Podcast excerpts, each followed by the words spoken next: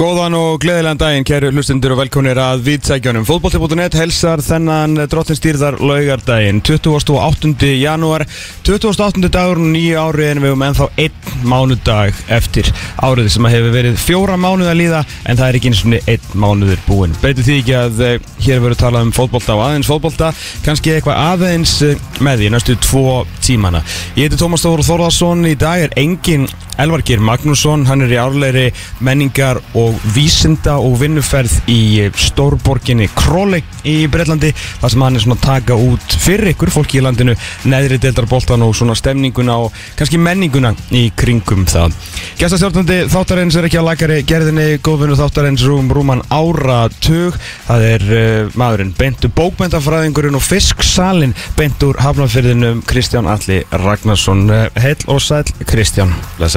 Herðu, hérna það er kannski við hæfi að þú sett gestastjórnandi þáttarins því að loksins, loksins eftir eh, langa, langa tíð við erum komin djúft, djúft, djúft inn í janúar og þá loksins er rétt, bara svona rétt rúmlega helmingur af Premier League loksins búinn. Það er búið að taka með tíma að klára þessar 19 umfyrir pluss flesti komnir í, í 20 og því ætlar eh, þú auðvitað svona e, megin kjartin þess að þú sért hérna er auðvitað að gera e, fjórðung 2 og svona svolítið reynur bara fyrirluta tímambilsins og ég ætla að nýta tækifærið. Fyrst að þú væri hvort sem er að koma á væringin Elvar að við ætlum að fara aðeins á dýftina um e, Premier League í dag. Um að gera. Það það? Jú, ég er reynda vanur að vera hérna bara sko jólastressi með, með annan fjórðung. Við erum, eins og segir, við erum svolítið seinir í því að vera hálnaðir með tímabilið, það er bara janúarlokk Já, þetta er, þetta er einmitt búið að taka svolítinn tíma, það var líka þarna smá var turnering hérna í, í Katar sem að trubla þetta Já, eitthvað smá, maður er svona stilla sig haf sko, að, að, svona í huganum að þá líður mér alltaf eins og við séum alveg að detti í lokabeginu nú er lokaspetturinn að fara að hefjast Já, þetta er nefnilega meistardildin er að fara að byrja aftur eftir 2-3 vikur og, og þá erum við svona formulega konur á lokaspretti sko, hvaða lið er að berjast inn títilinn, hvaða lið er komin í undan úslit úslit í bygurunum við erum bara hálnaði núna, ég kann þetta ekki. Já, sko vanalega þegar er maður að segja í mánu áður við þurfum að tala um ykkur lokasprett Sko vanalega á, á þessum tíma eh, er maður svona, að, svona örlítið úrvinda, þú veist, eftir desember þar sem við alveg svona spila 67 fyrir þéttumilli jól og nýjás uh, maður er lítið heim um helgar það er lítið um jólamarkaði, mi mikið um jólamarkaði hjá mér þetta árið, þar sem maður var alltaf í, í góðu og vænu frí en síðan kemur alltaf rennur í janúar í garð og hann í raun og veru breytist ekkert sko fyrir League. Þar að segja að það er eiginlega bara svona tvær og hálf umferðis út af þessum tveimur byggarhelgum þannig að þetta hefur verið mikið svona leikskóla aðlugunarferli fyrir League að koma aftur inn því að þetta var að spila þarna uh, voru 30 leikir spil, nei fyrir ekki 60 leikir en þrjára umferðir. Uh, 30 leikir ætla að segja þrjára umferðir frá uh, öðrum í jólum til uh, hvað sé, annar januar, annar þrið januar það var þétt og svo náttúrulega fóru bara strax í tvö helgarleifi og náttúrulega sérst annað helgarleifi eða tveimur. Þannig að maður er svona ekki ennþá eitthvað eins og segja sko komin í einu svona loka nix feeling. Það er svona smá Carabao Cup til að Dildin krydda er þetta. einhvern veginn ekki komin í rithma en Nei. liðin er að spila. Já. það er náttúrulega Carabao Cup og síðan núna FA Cup í gangi en dildin er ek, einhvern veginn ekki alveg komin í þennan helgar rithma og jafnvel tvisar í viku sko sem, sem að maður er kannski vanur. Nei, samt eru búin að fá sko tvær helgar í röð með uh, hérna Big Six ofurleikjum 12 og síðdegis og sundegis sko. Svo eru, svo eru náttúrulega bara leikmenn misfljótir að koma tilbaka eftir HM ég skilt að Emi Martínez ég ennþá fagnikstaðar Já, hann er nú búin að vera fýtt sko hann er Þetta þetta er svona eins og skólabyrjunin í ágúst það er alltaf ákveðni krakka sem er ennþá tenni sko, og missa fyrstu vikun í skólan Messi og Martínez og, og ég held að Kuna Guerrero sé ennþá með vindil í gangi ekki þar Ég, hann, ég, var, hann er nú reyndar ekki, hann þarf nú ekki að mæti vinnuna þannig að slepp til. Ég var að mynda að pæli því út af öllum þessum fríi fórum þetta að hugsa sko hérna að því að við ferðaðist mjög mikið sem badd sko fóröldrar minni fórum mikið til útlanda. Þá var ég alltaf bara tekin úr skóla kannski tvær vikur bara með ég spurning hvort það hafi haft ykkur áhrif á mig sko. Já. Þú veist að í dag er svo mikið að vetrafríum og svona þá þú veist að það er alveg tækifæri fyrir fjölskyldumenn og fjölskyldu fólk þess nert er eins og þú er Já, mitt, því var þú veist á Portugal bara þú veist þér áttu verið í skólanum Næsta spurning, sko, þú ert ekki að hugsa þetta nóg langt Næsta Nei. spurning er, varstu látin læra heima í útlöndum? Nei, aldrei Ef þú varst ekki látin læra heima í útlöndum þá er það eitthvað sem að er hægt að gefa en gula spjaldi fyrir. En ef þú varst látin læra heima í útlöndum þá er eiginlega líka hægt að gefa gullarspeldi fyrir það sko. Já, ég, það er rétt í það sko. Ég, hérna, ég var alltaf aldrei látin, látin læra heima í þessu sko. Þú er getur hérna alveg upp með svona hryllilega minningar af því að hafa verið að, að reyna að reikna starffræði dæmi á verundinni við Já, ströndina. algarfi eða eitthvað. Ræðileg hugmynd sko. Vaknar upp kald, kaldan svita á mótnur og Já. var í starffræði á ströndinni. Ég held að sé, það er fólk sem að rukka svona átíðáskall þetta hérna, ekki bara vind okkur í þetta það er margt, rosalega margt að ræða. Árunum við förum svona í þessi helstu velun og ég held að þurfum bara Það eru- það eru 19 lið sem við getum rætt í ennsku deildinni. Já, Ég hef ekkert að segja um Leopold nei, ok, ég held að vera að tala um Bormóð uh, hérna, sem er með eina lið ég held að sé alveg eina lið sem er eiginlega ekki hægt að ræða. Eru þeir svona núlpunkturinn, já? Er það ekki? Ekkert gott, ekkert slemt, bara eru aðna Það er bara, þú veist, uh, Gary O'Neill gerði geggja vel í að fá sér átjámána samning þú veist, því miður hérna, er eiginlega eina góða sem að Bormóð hefur gert er að gefa honum ekki lengri samning því að þegar að missi starfið þá þurfa ekki að borga honum meir en ár. Wolves hefur svona svolítið verið þetta lið sem að síðust ár, sem var svona einhvern veginn hverju bara inn í tómi allir líki sem var horfur á með Wolves þeir bara glemast jafn og og þeir líka Borma þeir eru svolítið þannig. Þeir vinna, þeir vinna enga sem þeir eiga að vinna. Nei. og þeir, þú veist, er, er, ger ekki neitt þeir eru ekki að tapa fyrir liðunum sem þeir eiga að vinna. Þú veist, Úlfarnir voru með þetta Adam og Traori, Raúl Jiménez kombo skulur en síðan hætti Adam og Traori í fótbolta, Raúl Jiménez fekk náttúrulega skelvilega höfuhögg og hefur ekkert komið tilbaka. En samt eru þeir, við þurfum að tökum þá samt aðeins fyrir og eftir því að þeir eru konum með dýrasta sko non-faktor lið í sögu Premier League. Stórmerkið dæmi, en ég held við byrjum bara á þeim bestu, á toppnum í dildinni, þar er ennþá Um, og eðlilega því að þetta er bara besta lið í Premier League í dag og mögulega bara eitt af betur liðum í Európu fáum svo sem ekki að sjá það beint að sér er ekki Champions League en Arsenal eftir 19 leiki þeir eru búinir formlega með hálft mótið. Uh, sögulegt tímabil 16 segrar, 2 jættibli 1 tapleikur útivelli gegn Manchester United í leiksir voru raun og voru betri en voru bara voru að gefa Ten Hag hann gerði það bara vel í þeim leik. Uh, þeir eru búin að skora næst eh, mest í deltinni, búin að fá á sig næst fæst 45-16 þeir eru með 50 stig on track for the Centurion season. Sko það er auðvitað Uh, sko það er einhver, einhver svona auðvitað hafa einhverju svona haft gaman að því að tala um eitthvað svona, þessast lester dæmi þetta sé svo það óvænt að þeir eru kannski eitthvað undan en þetta sé allt öruvísi, þú veist, þetta er ekki þetta er ekki svona líkt, kannski eina sem að er að einhverju leiti líkt með því tímabili er sem sagt, eru heimliðin. Að þú mannst að lester 2015-16 síðan, ég veit, ég hefur hérna lesið hérna uh, Sonal Marking, The Making of European Football bókina? Stórkostleg bók, algjörlega stórkostleg. Og þar fer Michael Cox yfir þetta tíumbil og hvað var í gangi sko, á þeim tíma þá er hérna City alveg, þú veist, Pekkardjóla kemur tíumbil eftir. Og maður náttúrulega lestir vinnur á 71 stígi tíumbil eftir duðar 71 stígi ekki inn í, inn í Champions League. City var að býja til Pep. United var að í andarslitunum með, með Louis van Gaal. Arsene Wenger var náttúrulega í sögulir lagð Klopp er hérna rétt svo bara, bara vita svona hvað er í gangi hjá Liverpool þannig að, og það er svona verður þetta. Og það máli segja, þú veist að United er í uppbyggingu Liverpool er í lægð, eh, City er ekki jafn góður og vanalega, Newcastle óvænt inn í þessu Chelsea, náttúrulega bara geti ekki neitt frekar en Liverpool akkurat þessa dagana. Ek, þó þetta sé kannski líkt með 15-16, þá breytir það því ekki að Arsenal fútbolklubb er með 50 stig. Það er nefnilega málið. Þú Þú getur ekki, sko, það er það er dónaskapur að líka þessu við lestir Algjörlega. þó svo að það sé eitthvað smá læði í gangi hjá ykkur um að hinn Já, sko, hinum liðanum að því að, að eina liðið ég held ég hafi lesið í vikunni eina liðið sem væri með fleiri nei, jafnmörg stig á þessum tímapunkti tímabils var liðupúliðið fyrir þremur árum sem að, þú veist, var einmitt tablaust og með tvö jafntefli fyrstu 29 leikin ekki einu svona City í Centurions? Nei, Nei. þeir voru, City eru vanir og þess vegna sko er maður ennþá svo Já, já, þeir einmitt. eru vanir að vera alltaf betri á setjum Algjörlega. Þeir eru bara undir pepp og þá eru þeir sérfræðingar í að gefa í og spóla fram úr rest á setni hluta tímabils. Mhm. þannig að þessi fimmstig þau geta verið fljót þeir eru eftir að spila bæði heima útileikina við sitt Yes. Og þar getur þetta alveg hratt orðið að engu sko. Mhm. en, en þeir eru bara berjastum titil. Þeir eru bara búin að vinna sér það inn að við tölum að virðingu um Arsenal.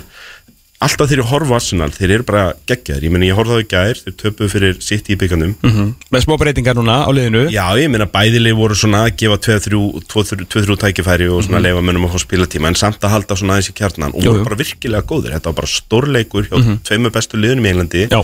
og það voru svona eitt gæðamoment sem skildað þú veist að Enketia nýtt ekki færi sitt Nathan Aki af öllum mönnum stegu upp og, Gekkja og marksamt, góð slú Ja, Sko, ef þetta hefði verið Holland þá værum við að tala Já, í tíu myndir um hvað hann er góður slúttari en að þetta var Nathan Aki Á og, hægri? og á verri fætinum og að því að hann sneri sér svona einhvern veginn við og var mest hissa sem ég séð af öllum leikmönnum vera hissa sem að ég bara skoraði. Mannstættur Ég Ósei hef ekki séð þetta lengi sko. Hérna Kín uh, Viera leikurinn það fellur svolítið að því að hann vilja allir tala um þú veist tunnel dæmi þar. Já, já. en það besta við leikin var náttúrulega þegar John O'Shea vippaði með vinstri yfir Jens Lehmann og var svo hissa að það var fyrir ekki. Þannig að þú veist Arsenal eru bara, eru bara þar og þeir, sko, með því að ná í 50 steg og fyrir hluta tíðanbils uh, þá eru þeir bara búin að gefa sér sjens Mhm. og þeir eru bara búin að leggja hanskan á gólfi og segja við sitt í komið eða þórið Mhm. við erum hérna og við erum stórir og við erum ekki trætti við ykkur og sko ég held í alveg að gengið á Arsenal er bara þannig. Ég, ef við tökum sko það eru 19 leikir eftir 17 leikir við einhverja aðra en Manchester City. -hmm. og ég er alveg, eru þið búin að leggja pening á það að Arsenal sapna ekkert færri stigum í þeim 17 leikjum heldur en City. Þannig að sko, fyrir City er staðan bara þessi. Þið hafið tvo leiki til þess að ná þessu Arsenali. -hmm. Eða gera þeim þannig skráveifur að þeir kannski skauta aðeins út á svellinu Já. missa jafnbæðið í 2-3 leiki á eftir eða eitthvað svo leist, þú veist, þið getið alveg gert það að taka það á eftir hatt ég veit ekki einu sinni hvað leikurinn er undan ég held að það bara alveg að detta í fyrirleik 15. februar, miðvikudaginn 15. februar kl. 19.30 á Emirates Arsenal byrja heima það mætti alltaf inn, inni við þetta þannig að það er Emirates fyrst sko. þannig að þú sér það sko halda dampi og vinna City á Emirates mm. Jafntefli líka, veist þá, þá eru bara farin að tala sko. Já, þá eru konin í februar, þá eins og ég segi þá eru farin að horfa á þannig klassíska, klassíska endarsprett City dettin í mistardeild og eru núna áfram í byggarnum en ekki en Ars- Arsenal. Arsenal er búinir, nú eru Arsenal búinir með báða byggarna eða ekki Jú, jú, jú, jú, þannig að það er bara 19 deildar það eru 19 Ekkert annað. byggarúslita leikir hjá þeim á Yes. meðan að City er í byggarnum og að byrja í mistardeild Já, og City náttúrulega var ekki að kaupa Holland til neins, neins annars en að vinna mestarallin Já, og, og þeir fá heimaleikin fyrst Mhm. í deildinni, þannig að þeir eru alveg í stöðu til þess að vera allavega með þetta fórskot jafnvel bæta við það með sigri. Arsenal á náttúrulega er Europa bara League. orðin sjens ég er búin að koma hérna bæði sko, er búin að koma tvisvar eða einu sinni og eitt símtal í haust og tala alltaf um að það sé fyrir mér spurningin um hvenær sitt í næra Arsenal það er að renna ef á mig. Já, það er bara þannig, það er staðan á Arsenal þeir eru bara það góður og, og þeir eru búin að lifa þetta af inn í januar án þess að svona það sem við höfum talað um breyttarleysið kæmið þeim í koll. Mhm. og nú eru þeir aðeins að bæta breyttin þeir sóttu trossart og þeir eru að reyna að sækja kæset og sínismanni Uh, ég heila vona að það takist, ég veit ekki hvort að Todd Bowley skellir aftur double or nothing tilbúð á borðið já ef einhver þá verður að bóli eða einhver, við kannski ræðum eftir. Þá en hérna en, en þú veist, ef þeir eru að þú veist, þeir eru að fá menn tilbaka úr meðslum og þeir eru að bæta eins í breyttina og það sér bara hverki högg á vatni og það er bara rosalega stemming í leikmannhófnum það er alveg saman hver að er sko, nú kemur Tommy Asu inn í gær og Kieran Tierney og þeir eru bara flottir. Það eru bara allir til í verkefni og ég er ég er svona, ég er, ég er að sveiplast hægt og rólega yfir miðjuna frá því að vera svona, já, sitt í nærðum á endanum, við vitum hvað sitt í gerir á setni lutanum, yfir í já, ég er ekkert svo viss. Nei, þetta er nefnilega ekkert last á, á Arsenal að halda því að þú veist, þetta er það sem allir halda. En eins og í raun og veru í uppafinu á þessari, hérna, á þessari ræðu er bara, við höfum engin dæmi og engin svona gögnu það að Arsenal geti það að þeir eru að fara að sína hvort það núna í fyrsta sinn í þessu nýja Arsenal-liði. Já. en við erum með, ekki með, með allavega tvö ef ekki þrjú dæmi um að City tæki bara, þú veist, 15 seguleiki röð og tapi ekki 21 og vinna þeir titil fara yfir 90 stíl, það er verkefnið. Ég, og ég hef alltaf sagt það það er bara staðin, það er það sem Guardiola og City eru búin að gera, hann svona fann út úr og komst að ýmsu um úrvastildina á fyrsta tímanbylnu og það voru svona meðsli og þreita hjá þeim á árinu sem Liverpoolan titilinn þar sem að þeir fóru bara held ég í 84 stíð eða eitthvað bara. Öll hinn árin, fjögur árið eða eitthvað þá fara þeir yfir 90 stíð og þeir taka titilinn. Já. það er verkefnið. Og ég náttúrulega hef setið hérna og talað um það að það sé hart að Liverpool hafi farið í 97 stíð og ekki unni titil langbesta lið sem hefur nokkuð tíma lent í öðru sæti í þessari deil og hafa gert það núna þrísvar á sístu fjórum árum gegn þessu liði. Eh, nú bara komið Arsenal og þetta, það er alveg raunveruleiki, þú getur farið í 95 stig og lent í öðru sæti á móti Manchester City því að þeir eru alveg færir um það að vinna nánast bara rest núna fram óvarið en eins og ég segi, flugan í smjörinu er það að Arsenal á eftir að mæta þeim tvisvar. Arsenal er með forskot á það og þeir eru með þetta fullkomlega í sínum höndum. Og ég myndi líta það sem rosalega jákvæðan punkt að þeir eru heimalegjum fyrst. Já. því að það, það gerir sitt í erfiðara fyrir að ætla að gera þetta spennandi fyrir lokasprettin og það er frekar tækifæri fyrir Arsenal til þess að auka fórskotu og gera þetta eitthvað í svona brekku, eitthvað langsótt fyrir sitt í áður en að þeir koma á Emirates þeir geta þá kannski mætt þeim neða eftir að segja ég geta kannski mætt þeim þar þá setna í apríli eða hvað það er hérna með eitthvað fórskot, með þú veist 6 stega fórskot eða 8 stega fórskot eða jafnvel 5 stega fórskot þar sem að tapi þýðir ekki þú veist endalókin og titilbártun eða þeir ná yfirhöndinni og það er rosalega stort þannig að Arsenal eru bara mitt í einhöndum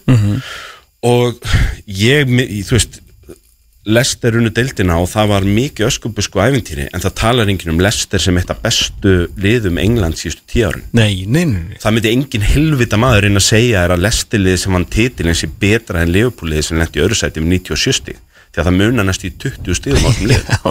Fyrir utan leikmannahópin og, og annað stíkt skilur en, en þú veist, Lester unnu en ekki Leopold og það er staðarinn, þeir fengu Andrea Bocelli í jú, en ekki Leopold Ekki Liverpool, sko. Hérna, sko, ég skal þannig að Arsenal er alveg þar, þeir geta endað uppi. Ef þeir klára eins og er núna þá er þetta bara eitt af betri liðum sem við höfum síðu sögu úrastildarnar mm. -hmm. gett samt lent í öðru seti Það, það er náttúrulega bara það sem Það- League gerir, það- Þeir gera bara lítið úr flestum tilrunum annar liða til þess að vinna þessa til. Ég er grjótarður Arsenal maður þetta. Ég er að hvetja þetta lið til dáða í öllum leikum ég ætla bara að standa við það sem ég hef sagt hérna undanverið, mér finnst fáránlegt þegar að liðin sem að þykjast vera í einhverjum rík við Liverpool stöðnismenn Manchester United og Arsenal og, og, og svona hérna hafa verið að fagna því að Liverpool sé að tapa fyrir þessu sittiliði ég er ekki þar. Ég, ég get ekki fyrir mitt litla líf haldið með þessu sittiliði í neinu það er bara þannig, þannig að ég ætla bara að vona að Arsenal taki rest, ég ætla að vona að taki titin Arsenal menn því að ég er eitt stuðnismann í viðbútina fram til, ég veit ekki hvernig síðasti leikur er, er við reyndar eigum eftir að fá það á Anfield það verður svolítið, svolítið hart að kannski að horfa á þann leik og Liverpool þar náttúrulega nöðsynlega jú vitandi það að við getum mögulega þú veist, þess vegna gert, þú veist, leift sitt í fram úr þeim með eitthvað á þeim tíumpunkti Það er eitt við hennan hérna, heimaleik sem við talum að þeir fá hann á undan og ég er sammála því uh, líka búið út af smá persónulega leyslu því að nú var ég á Arsenal Manchester United síðastlega sundag Mm. og stemningin hún var svakaleg. Já. og ég er að menna sko þetta er topp tveir sem að við höfum núna upplifað uh, við sem erum búin að vera að fara í þessar ferðir sko. Það er Liverpool United 4-0 uh, í fyrra. Já. það var alveg svakalegt sko. Annars eðlisamt, var það ekki bara svona eins og heimsmynd í þórðargliði Nei, nefnilega máli var sko að þú veist þetta það vissi var allir hvað var að fara að gerast. Það er bara komið svo óvart að ég held þetta yrði miklu rólera að því að Liverpool að vissu allir í stúkunni að var vera þetta 20 búðutuna? Þetta var bara, það var bara þetta var alltaf under the lights á mánudegi og var svona ímislegt skilur. Stemning, þú veist, það var í meira háfaðin var genuine sko, reyndar Liverpool Everton 5-2 á fyrsta tímbulinu, það var líka svona að, að því að þá gata Everton eitthvað smá. En þetta var það rosalega sem við höfum lendi og við höfum farið á, á hérna Etihad. Ég var að setja í Liverpool í fyrra Sest, það var setni leikurinn eftir hennan geðveika leik hérna fyrri 22 þegar Sala skoraði markið.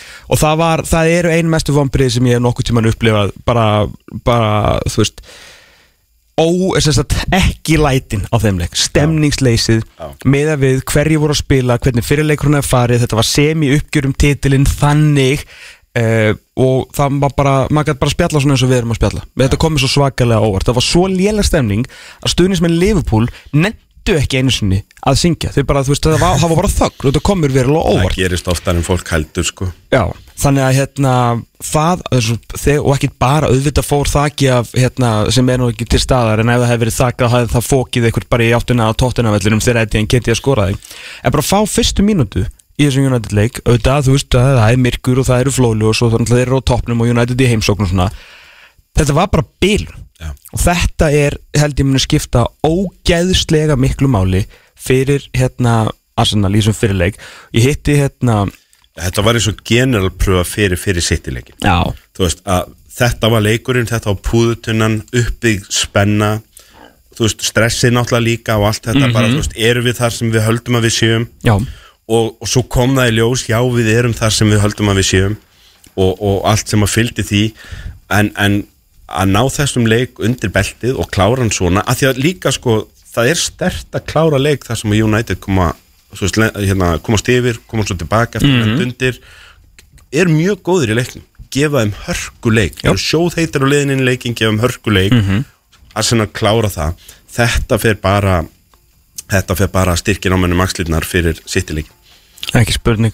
Uh, Já, búin að vera hrigalega góður og gaman að hérna, fylgjast með þessu verkefni Tók eftir einu, hérna, ég veit ekki Arsenal stundismenn veitur öruglega þegar þeir eru öruglega að horfa á, þú veist, tunnel cam og þetta, þú veist, þeir sem eru hvað bilaðast þér en við Arsenal menn, við Arsenal-menn. mjög vel með þessu kom hérna að því að ég, sem sagt, það var svona uppi smá fótur og fitt hérna eins og gerist nú ofta á hlilinni og endaði með því að ég lappaði með leikmönnum sem sagt inn í, inn í sem sagt leikmannagöngin til þess að fara þú veist það sem að viðtalsvæðir. Átti ekki að fara þar en þetta var bara eins og segja það var hérna, en ekki útskýra hvað gerist en allan að ég og, eh, manni hvort á grænt saga leittumst bara svona inn leikmannagöngin. Já, þar stóð í leikmannagöngunum einn etu og tók svona bjarnar faðmlag á þá alla sko. Já, Mér varst það svolítið merkilegt sko. Ég veit að það eru örugglega fleiri Ég veit sem ekki allir séu fleiri svona yfir með knaspundmála sem eru Svona þetta klós sko. Sko hann er náttúrulega fyrir um leikmaður. Emitt, er og svona hann er mjög innvinklaður í klubbin hann Mjög. er langt í frá að vera bara einhver starfsmæður sem situr á skrifstofana Já. og hann er náttúrulega hérna, þekkir allt þetta vel, hann kemur inn og svo náttúrulega mátti ekki gleyma því þetta er,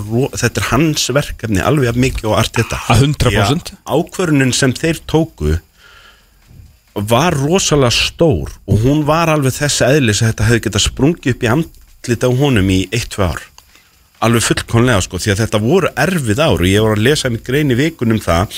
Arsenal eru hér núna af því að þeir ákvaði rauninni bara að taka á sig öll ekkin í andlitið og alla rjómatertunar í andlitið 2020 og 2021 og það tímafélag er svona eitt og hálft ár þarna þar sem þeir eru bara einhvern fasa og þeir segja bara nánast við allt þetta bara þú vinnur þína vinnu við erum, þetta bara mun gerast hægt en þetta mun gerast. Og, og þeir eru að uppskera það núna að hafa haft þólimaði gagvart þjálfaranum, haft þólimaði gagvart edu, hafa haft trú á verkefninu í þetta erfiða einu og hálf ár þar sem að virtist einhvern veginn ekkert ganga. Þeir voru ekki að fá leikminn að segja vildu leikminn sem voru að gátu ekkert voru hættir að nenna þessu og þeir voru bara nánast allir að býða eftir að fara. Og og hér eru þeir þú veist, allt í einu konur á hraðbrautina upp á toppin, skil, og maður sér einhvern veginn bara, þeir eru í svo góður stöðu, það eru allir leikmennir eru að þeir eru góður og að því að þetta vill á hafa hlutverk. Og ég, ég er að sjá bara svo mikið hennan svona 2018 amda hjá Liverpool í þessu 2023 arsenaliði, það sem að þeir eru alveg að byrja að detti að vinna titla. Þú veist, allt í einu eru við konur á þann stað við erum ekkert að pæli lengur hvort Arsenal er mistaradeildarsæti þú veist, þeir bara hoppi yfir það level og eru bara beint í það að vera lið sem er að berast um Emitt og, og þeir eru það góðri stöðu sko, jafnvel þó sem þeir náu öðru sætinu ár það verður vombrið úr því sem er núna vissulega, en þá er bara hægt að fara út og sækja 2-3 spaða í sumar, það er ekki, það þarf ekki að taka til í leikmannhófnum og það þarf engin að efast um þjálfvaran eða neitt, það er bara árangur áfram ekkert stopp, skiljur, í allt sumar jafnvel þó svo að annarsæti verður raunin náttúrulega fyrsta sæti raunin þá er bara good time sko Mhm. að að komið aftur til Arsenal af því að þetta er náttúrulega hörku frægur klúppur og, og mjög svona sexy klúppur og hefur alltaf verið og þú veist og Thierry Henry er á kantinum að minna minna á hérna mun eftir good, good times og Það er svo gaman að vengir með þess að mætti fyrsta það sinn er í svo ár, auðvelt að sko. fá leikmenn til að þú veist, heyrðu, Já. ég vil taka þátt í þessu sko. Og ég rætt náttúrulega stendur hérna fram fyrir sköldu á BBC og Nei, en alveg svakalegt guttvil í kringum Já, gaman sko. Hérna, eitt í sem alltaf Thomas Partey meðist á í gær uh, er að fara í uh, hérna MRI á, uh, á Bringu þar sem að hérna, óttast um að hann hafi mögulega hérna, brotið uh, rifbein, ég man nú ekki alveg bara hvað það er alvarlegt en þeir eru kannski Það lukkunar er einhverja vikur. Já, það- það verður allar- alltaf eftir hvað það er slemt sko. Já, þeir eiga til uh, eiga vissulega Everton næst sem að nú ekki verður ekki erfitt fyrir þá. Brentford alltaf leikur sko, það verður svolítið fróðult að sjá hvað Við skulum býða og sjá til með Everton. Þeir eru nú að ráða stjóra sem gæti alveg gefið þeim svona tveggja til þryggjalegja bömp. Já, ég hef ekki en miklar ágjur af í Arsenal gegn Everton verð ég að segja. Herru, hérna Arsenal bara, bara toppsætti meirinskilið er á on track fyrir 100 stigir og staðan er akkurat núna og þó er þið bara 90 er þetta magna tíðinbili En taka ekki 100 En ef þeir halda vel á spöðunu þá geta þeir farið í 95 og titil. Já. Og ég bara vona þeir gera. Master City er með 45 stig sem að, jú, þýðir að þeir eru on track fyrir ní- þessi hefbundu Ég held 90 að stig sín. bara alltaf með 45 eftir Ég það, en samt finnst þeir, en okkur þeir taka líka 50 á setni hlutan Það er bara það sem þeir gera og ef þeir gera það ekki þá er maður svona hm, En er þetta ekki 45 stig án þess að maður segi, hefur nokkuð tíma sagt á þessu tímbili Wow Það er einn maður sem bara láta að segja wow einum manni, sko. Eh, Einum, einum manni? Já. Þú ert bara eitthvað, hvað gerðist þarna? En annars, hversu gott er þetta lið Þegar það er komið í 45 stig Og manni finnst þér bara ekki að vera slakar í mörg ár sko. Já, það er bara það sem Manchester City hefur gert. Er, ég, ég er eins og bílum plata hana en þeir, þú veist, munurinn á Manchester City og öðrum liðum í deildinni síðust árin og það er að hluta til, ég veit við ætlum örgulega að ræða Chelsea eftir, það er eitt af því sem að Todd Bowley, það er klárlega hluti af taktíkinu honum er að hann er að reyna að gera þetta fyrir Chelsea, það er þú ert að reyna að hlaða gæðum að því, sko magni, þú veist síðustu fimm árin, eða fjóran, sem fjóran sem Liverpool hefur verið eldað á og þú getur tekið hvena sem er bestu 11 hjá Liverpool, bestu 11 hjá City áþekklið, stundum eru Liverpool með betra 11 og stundum eru City með betra 11 eftir hvort það vantar, fann það ekki að Kevin De Bruyne, tann daginn eða eitthvað svona já, taktu næstu 11 og þá er City alltaf með helmingi betra lið. Uh, og taktu svo næstu 5 eftir þessa fyrstu 22 og þá ertu komin í einhverja kjúklinga sem eru með 0 mínútur í úrvastildinni fyrir Liverpool og landslýsmenn hjá Manchester City. Það bara, er það sem Manchester City hefur gert að þú getur mist einhvern leikmann, einhverja hetju einhvern hérna Ruben Díaz eða Kevin De Bruyne eða eitthvað í 2-3 mánuði og það sér ekki högg á vatni. Þannig að 45 stig eru bara þessi stöðuleiki sem þeir hafa kift sér. Síðasti leikur í deiltjöðum uh, er hérna 3-0 sigur þegar gerðu smá breytingar þetta gegn Arsenal. Þannig að förum í 3-0 sigur gegn Úlfónum sem var eins þægilegur og sigrar verða. Þeir stiltu upp svona í raun og veru bara holy moly þessu nýja 3, 2, 4, 1 kerfi sínu De Bruyne, Gundogan hérna, Rico Lewis inn á miðinu og Rodri þú veist, í þessum nýja fjóramanna kassa og allt í góðu. Greilis og Maris sem búin að vinna sér aftur í sæti liðinu. Og til þess að undirstreika það sem að Kristján hann, Alli hann hefði efnaði að svona kvílan svona, svona saltan í veist, smá tíma og koma svo inn aftur. Hér kemur bekkurinn, Nathan Akir sem skoraði segumarki í beigarnum í gær kom inn á fyrir e, táningin Rico Lewis e, Heimsmeistarinn Julian Alvarez skoraði fjögumork á háum kom inn á fyrir Erling Braut Holland. Bernardo Silva sem var í svona þrjú-fjögur ár í umræðinu sem besti leikmæðurinn í Premier League kom inn á fyrir Kevin De Bruyne sem er líklega besti leikmæðurinn í Premier League og mögulega bestur í heimi. Calvin Phillips sem er ennskur landslismæður kom inn á fyrir Rodri, reynda sorgarsaga þar. Og svo kom hinn ungi Cole Palmer eh, inn á fyrir uh, Riyad Mahrez þar sem þeir voru í þrónu lifir. Ónótaðir varamenn í þessum fótballtaleik fyrir Manchester City voru portugalski landslismiðurinn og 65 miljónar punda maðurinn Robert Díaz sem að í tvö ára var talin besti miðurinn í Premier League samsliða Virgil van Dijk. Kyle Walker, uh, mögulega besti bakurur Englands uh, frá upphafi, ég get alveg sagt það skilur svo ég nenni bara ekki að ræða uh, João Cancelo, eitt besti bakurur sem við höfum séð í Premier League síðustu 5-10 árin Já. og já, svo hérna Ortega þjóður þetta var varamannabekkurinn þannig að þetta var bara svona til þess að gjörsalega að gefa þér svona brú undir þessi orðinum að þetta er ástæði fyrir að 90 stig fyrir þeim er eins og drekka vatn. Já, það, munurinn er sá að Arsenal geta ekki lift sér að vera með Calvin Phillips, Ruben Díaz og Joao Cancelo og Kyle Walker á bekknum og nota þá ekki. Nei, nei. Þa, það er ekki til peningar til að vera með svona dýra leikmenn á bekknum. Ef þessi leikmenn eru í liðinu og þeir eru heilir þá notar það þá því að þetta eru einu leikmenni sem þú átt að þessu kaliberi og varamennir eru aðeins slappari. Liverpool eru búin að gera þetta, til dæmis geggjaði með Trent Alexander Arnold og Andy, Robert, Andy Robertson í bakgrunum en þeir eru búin að klára þetta þannig að það kemur inn grikki sem kostaði 10 miljón pund fyrir Andy Robertson kostað Tsimikas og hínum eina þá er það bara hérna, Joe Gomez sem kom sem táningur fyrir 3,5 miljón punta eða James Milner sem kom frítt hvað er þessi skoti? Hann ekki hæra bakurur? hann er bara búin að vera mikið mittur Mikið meiddur, ok. og hann er náttúrulega bara átján að verða 19 Já, já, bara þetta er framtíða kaup, það er þannig sem Liverpool eru að hugsa. Já, það er ekki hægt að sækja sjó Cancelo Svona ef að vera- Alexander Arnold skildi meðast Nei, nei, nei, nei. það er munurinn á liðunum og þetta er það sem að Arsenal er að vinna með. eiginlega sko Þú veist, Arsenal til dæmis eru alveg klárlega að svona í, bæta í að reyna að sækja sér miðjumann eins og Moses Caicedo Mhm. að því að Partey er í smá limbói núna þeir voru klárlega að hugsa það að að þá vantar kannski Lokonga hefur kannski ekki alveg að Nei, sig en bara er búin að vera aðeins mittur þannig að þeir eru bara að hugsa sjensin er núna, við næsta deilt núna við verðum helst ef við getum en við verðum þá líka að vera sniður þú veist, það er ekki hægt að fara að sækja Jude Bellingham með að Declan Rice í januar mm. -hmm. þannig að þú verður að fara í næsta level fyrir neðan það er klárlega að vera að eða peningum ef þú ætlar að borga 60 miljónir punta fyrir Moses Caicedo það Já, er ekki slór með 20 leiki í Premier League, einn sko. af ríkustu klubum Evrópu en það segir sitt að við erum samt að tala um þá sem einhvern kassabíl við hliðin á Lamborghini sem er já. Master City og það er munurinn að þeir væru sennilega Sjaka var heill ef að partí er alveg heill og allt saman þá væru við bara, heyrðu, við ætlum bara keira á því sem við eigum að því að þú veist, við, við höfum ekki efna á þessu að, að elda þá það mikið.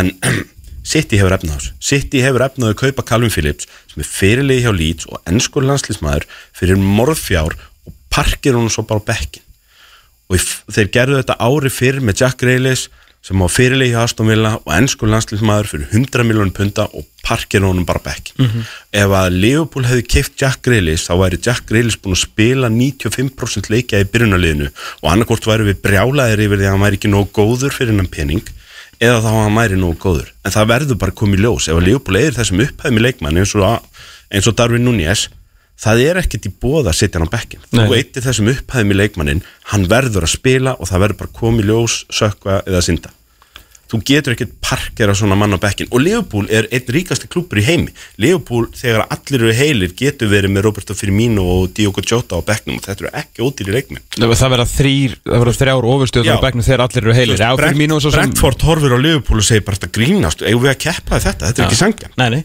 skilur, en Liverpool horfa síðan áfram upp fyrir sig í næsta þreip í, í stegunum og segja Brentford er keppa með, með er Brian Mbueno sko. Men alltaf ekki það sko er, Hérna eitt með, með City Svona aðeins að því að við vitum alveg hvað þeir eru í deildinni og allt það.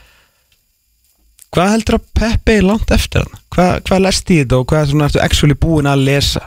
Milli bæði bara orð fyrir orð Ég því sem greinum öllum? sé bara hann á mistaradildin eftir. Heldur hann farið bara um leið? Nei, kannski ekki um leið Heldur hann sem eitthvað metta fyrir að vera en, hérna í 15 en þetta ára? eru personur, ég get alveg ímynda mér að svona þetta lust for life eins og ekki pop orðaða sko, þetta, þetta svona hérna, sjóti vír hverfi svolítið. Þú veist, hann, hann kannski ég, ég er náttúrulega bara spekular það getur vel verið að hann verði þarna í tíu ári viðbót og bara alltaf hungraður og flottur og vilja bara fara að elda Ferguson í titlafjölda á endanum og annars líkt en, en það getur líka vel verið að hann rangi við sér tíu mánuðum eftir að unni mestarðeldin og segja ég hef ekki sama hungrið í, í þetta starf skilur, og ég er hann þreyttur. Og þá, þá bara stíða menn frá borðið þannig að það kæmi mér ekki dórt en ég sé hann ekki fyrir mér slaka á fyrir hann er komið með mestarðeldina af því að þessi peningar, þetta magna fótboltalið, mm. ef hann vinnur ekki mestarðeldina á 5, 6, 7 árum þarna, þá er það bara eila klúður. Já, Þa, það, þá er bara litið á þetta sem feilur það mun enginn spyrja hvað mannastu marga deildir. Af því að deildin er allt öðruvísi. Það er, þú hefur 38 leiki já. jöfnurinn er miklu meiri til þess að null út mistökin og þannig að þú bara leggur upp með það að vera liði sem að gera sjálfnast mistök af því að þú ert alltaf með heimsklasa leikmenn í öllum stöðum í 11 manna byrjunulið og þrjá varamenn eða fimm. Pældi hvað þetta er veist, Þannig að þú ósækjast ert með það og þess vegna vinnur deildina svona oft og þú ert líka með stjóran sem að hjá, hjá hérna Barcelona og, og Bayern var bara sérfræðingur í að vinna deildir af því að hann kann að nota svona leikmannhóp alveg og kann að kreista líftórnur anstæðingunum og annars stíkt en ekkur hluta vegna þá hefur hann ekki náð hinnu hann hefur ekki náð þessu öskubusku ævintýri, þessu ævintýri sem að mestaraldeldin er. Og, og Chelsea eru búin að ná því Liverpool eru búin að ná því og, og hérna, ég, þú veist Guð forðónum með ykkur aðri fara að ná því og Ten Hag vinnu mistardeltina næsta ári og ekki Guardiola skilur til dæmis og þá, þá hérna, þú veist, þá, ver, þá lítur þetta alltaf verð og verð út sko. Pældi, pældi þú veist, allt sem hann hefur gert á sínu verðlun alltaf stórbróðinstjóri og alltaf en þú veist, við tökum til dæmis bara síðan er alltaf sko það sé ekki perrandi að vera hann stundum þú er búin að gera allt þetta, þú er búin að breyta að, þú veist, búin að innleiða kerfi, þú er búin að pakka þú er búin að breyta premjir lík í bundeslíkun eitthvað sem átti ekki að vera hægt sko, og svo kemur ein setning. Bara þessi eina setning. Nei, það- það er sko- aldrei unni aldrei mistardeltina á Messi. án- aldrei hann meistaraldur á Messi og sko það er eiginlega bærin tímbilið hans það er bara svona eins og hann ferið í leifi þú veist það er aldrei talað um það. Þú veist, wow, vannstu hann er engin áhrif vandu búndisleikunum Hann- með bæinn, wow hann held sætunu bara heitu fyrir næsta mann. Já, og sko er svo kemur bara þannig. 94 ára gamall maður og vinnur Champions League árið eftir þú ferð sko. Já. bara, ah, þetta lítur okk ég er ekki viss um að hann sendi upp hengis nein hérna amelskort sko, Nei. eða jólakveður. Nei, og náttúrulega Enrique var náttúrulega líka áður en hann kom og svo vinnur Enrique náttúrulega þrenna með Barcelona bara Já, já. árið eftir hann fyrir það sko. Þannig Já, að já. þetta var kannski ekki alveg, alveg að hjálpa til. Ef við myndum að tala miklu meira um mennska bólta við um eftir United, Liverpool, Newcastle, Chelsea. Það er svo endalust mikið að ræða. Takk fyrir örstuðt að pásu og koma aftur fótboltumunett með ykkur álega þetta Þú ert að hlusta á Exit 977 Þú ert að hlusta á fótbolti.net á Exinu 977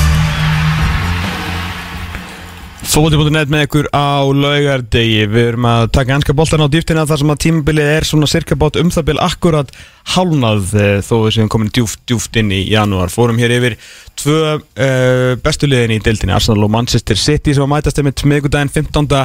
februar tókum okkur fínan tíma í það. Gjastastjórnundi þáttarins er uh, okkar sérfræðingur um ennska boltan Kristján Alli Ragnarsson.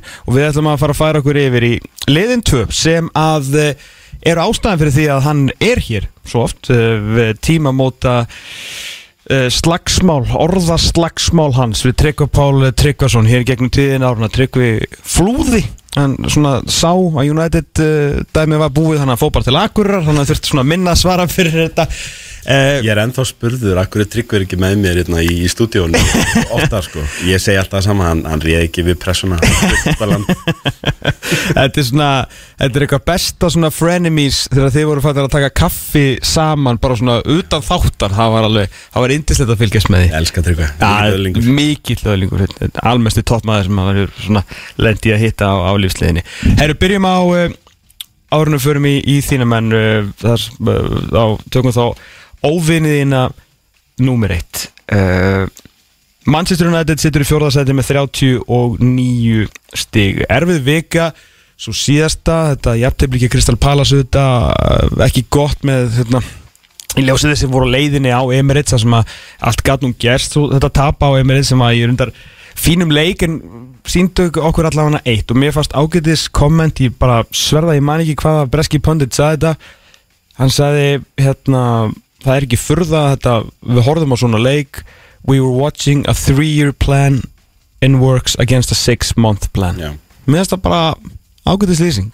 Og six month planið sko var næstu búið að virka já, já, einmitt. Sem að í rauninni er bara, þú veist, ten hæg til hross. Já, og ég veit ekki hvað gerðist svona einhvern tíma annað í kringum háumstoppið en það er einhvern veginn all, allir bara byrjar að spila ógeðslega vel hjá Manchester United, það er eins og það hafi eitthvað breyst og hérna þú veist, þeir líta bara ógeðslega vel út stabili, sterkir. Hann er það sem ég fíla, eitt af mörgu sem ég er að fíla við Ten Hag er að hann er ekki bara kastamönnum fyrir róðan sjáum eins og nú er Van Bissaka komin aftur inn í lið. Það er bara svona hægt og í róleitunum búið að byggja þann starfkaupatur, hann er ekkert búinn hann er ekkert bara burt með hann, bara lánum hann í janúar og bara losna við hann gaur, hann er ekki nóg góður. Það er bara nei, veist, og, og eins Diogo Dalot, það var bara glemtu maður, það var bara nei, við erum að nota hann núna og, og hann bara verið flottur og svo missar hann aðeins úr, þá kemur bara Van Bissaka inn og hann fær bara tröstið frá stjóranum og, og hann er bara hann er bara að nota, hann er alveg grjótharður. Það ma maður finnur alveg fyrir því þú veist, hann er að lesa með um pistin á hliðalínu og annað slíkt, sko, hann er alveg greinilega þess aðlis að hérna hann ræður og, og, og hérna og hann þorir alveg að segja en þú veist, það er ekki að standa sig, alveg saman hvað þeir heita. Ég er ekki, sko, ég hafði mestar áhugjur þegar ég sá, hérna, bara fyrstu blagamannafundina með honum, með þau hvernig kultúrum var búin að vera í Manchester United og hvað var búin að leka hann út og Já, þeir byrju náttúrulega strax, tapa fyrstu tveimur og Já. leikmenninni byrja strax að leka í blöðunum með þessu ósáttu við æfingarhaðferðinar og annað. Þeir reyndu þetta strax í ágúst. Já, og þá sko gerðist náttúrulega, það, er, það virðist að vera tvö stór moment sem að hafa svona uh, virkilega hleyft honum einhvern veginn inn fyrir uh, svona inn fyrir þröskuldin hjá leikmannum það er A, eftir Brentford leikin þegar hann tekur þetta hlaup með þeim sem að með maður lesi þetta fyrst þá var maður svona, ah, tíu þetta er eitthvað svona bíómyndalegt sko Já, já. og fyrst náttúrulega trúði, ég held að þetta væri bull fyrst sko letið, þú veist, Jason Statham er að fara að leika þetta hlutverk, skilur, og Já. strákar, nú ætlum við að hlaupa Já. Ef ef maður er vinna titla þá, þá er eitthvað svo leys að fara að gera, sko Þetta er svona legendary saga svo hætti maður aðeins að, aðeins að pæla í þessu svo var í fyrsta sinn núna bara fyrir tveimur vikum hvort það ekki bara verið í aðdraðanda City-leiksins þá er Bruno Fernandes svona í, í settur í, í viðtöl fyrir það svona þann leik á svona stærstu meilunum og þá er hann í raun og veru fyr, fyrsta sinn sem eitthvað United leikmaður talar um þetta moment og þá segir hann að þeir hafi verið alveg tjúlaðir viðkjönda bara, þú veist, þeir líti okkur annan þegar hann mæti bara uh, bara eitthvað, we're missing uh, 13, 13 kilometers, eh? Uh, so we run now, eh? og ég veit ekki hvað reym þetta var, ég var búin að æða með teknarglum en og Það er, samt, bara, það er samt staðurinn, það er mjög erfitt að hljóma svona eitthvað ha- grjótharður á ennsku já það er bara þannig, ég meina það var fleiri lendi í þessu. En þeir, þá kannski, Hollendingurinn getur þetta ekki, það Þá- er alveg saman að þú svo neytir út gullit eða Frank Rækjum nákvæmlega. Hann talar ennsku, þá er hann asnalur og Bruno, Fernandes eh, segir hérna bara, já, hérna, auðvitað horfum okkur þannig bara að fara að hlaupa 13 km því að við hlaupaðum ekki í leiknum, skilur Mm. svo hann bara, við fórum á stað svo lítið tilbaka þá sé ég þjálfaran hlaupa með og fyrst hérna held ég að þetta sé svona eitthvað skemmtiskokk hjá honum en hann tekur bara alla 13 kilometrina með okkur Já.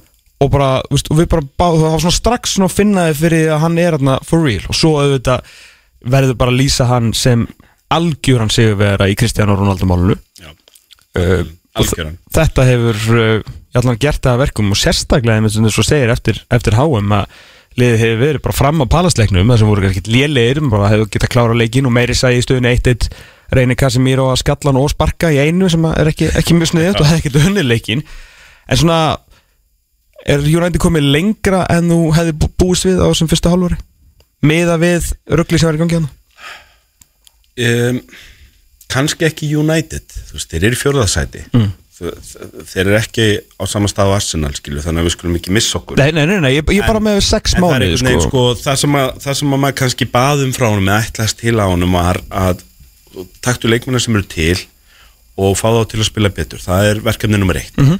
fá þá til að hafa trú á verkefninu kondi með skýrt verkla, kondi með skýra taktík skýra stefnu í spilamennskunni. Hvað ætlið að gera, hvað, fyrir hvað standi þið á vellinum?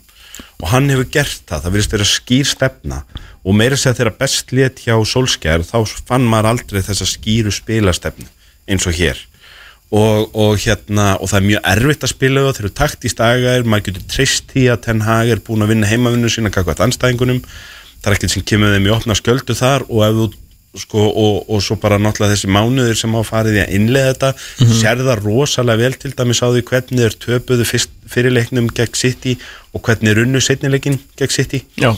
Að þeir voru þeir voru miklu meðvitaður um styrkleika City fannst mér í setnileiknum og, og tilbúinur að núla það út heldur en í fyrirleiknum og það er bara náttúrulega hluti sem kemur þegar hann er búin að mæta liðinu einu snáður en líka bara hann er búin að hafa þessa mánuði til að vinna með liðinu og skóla á til og svona njörfa niður njörf og, og festa alla skrúfur í taktikinni skilu þannig að það er allt orðið alveg niðurnelt og, og, og, og harfskrúað en mér finnst hann hafa staðið sér betur en ég, ég er náttúrulega ekki United maður en, en maður tekur þannig til orða að, að en United menn hefði þórað að vona. Að hérna hann vann þessar orustur og hann er svo óumdeildur hérna núna. Þetta er algjörlega hans að missa.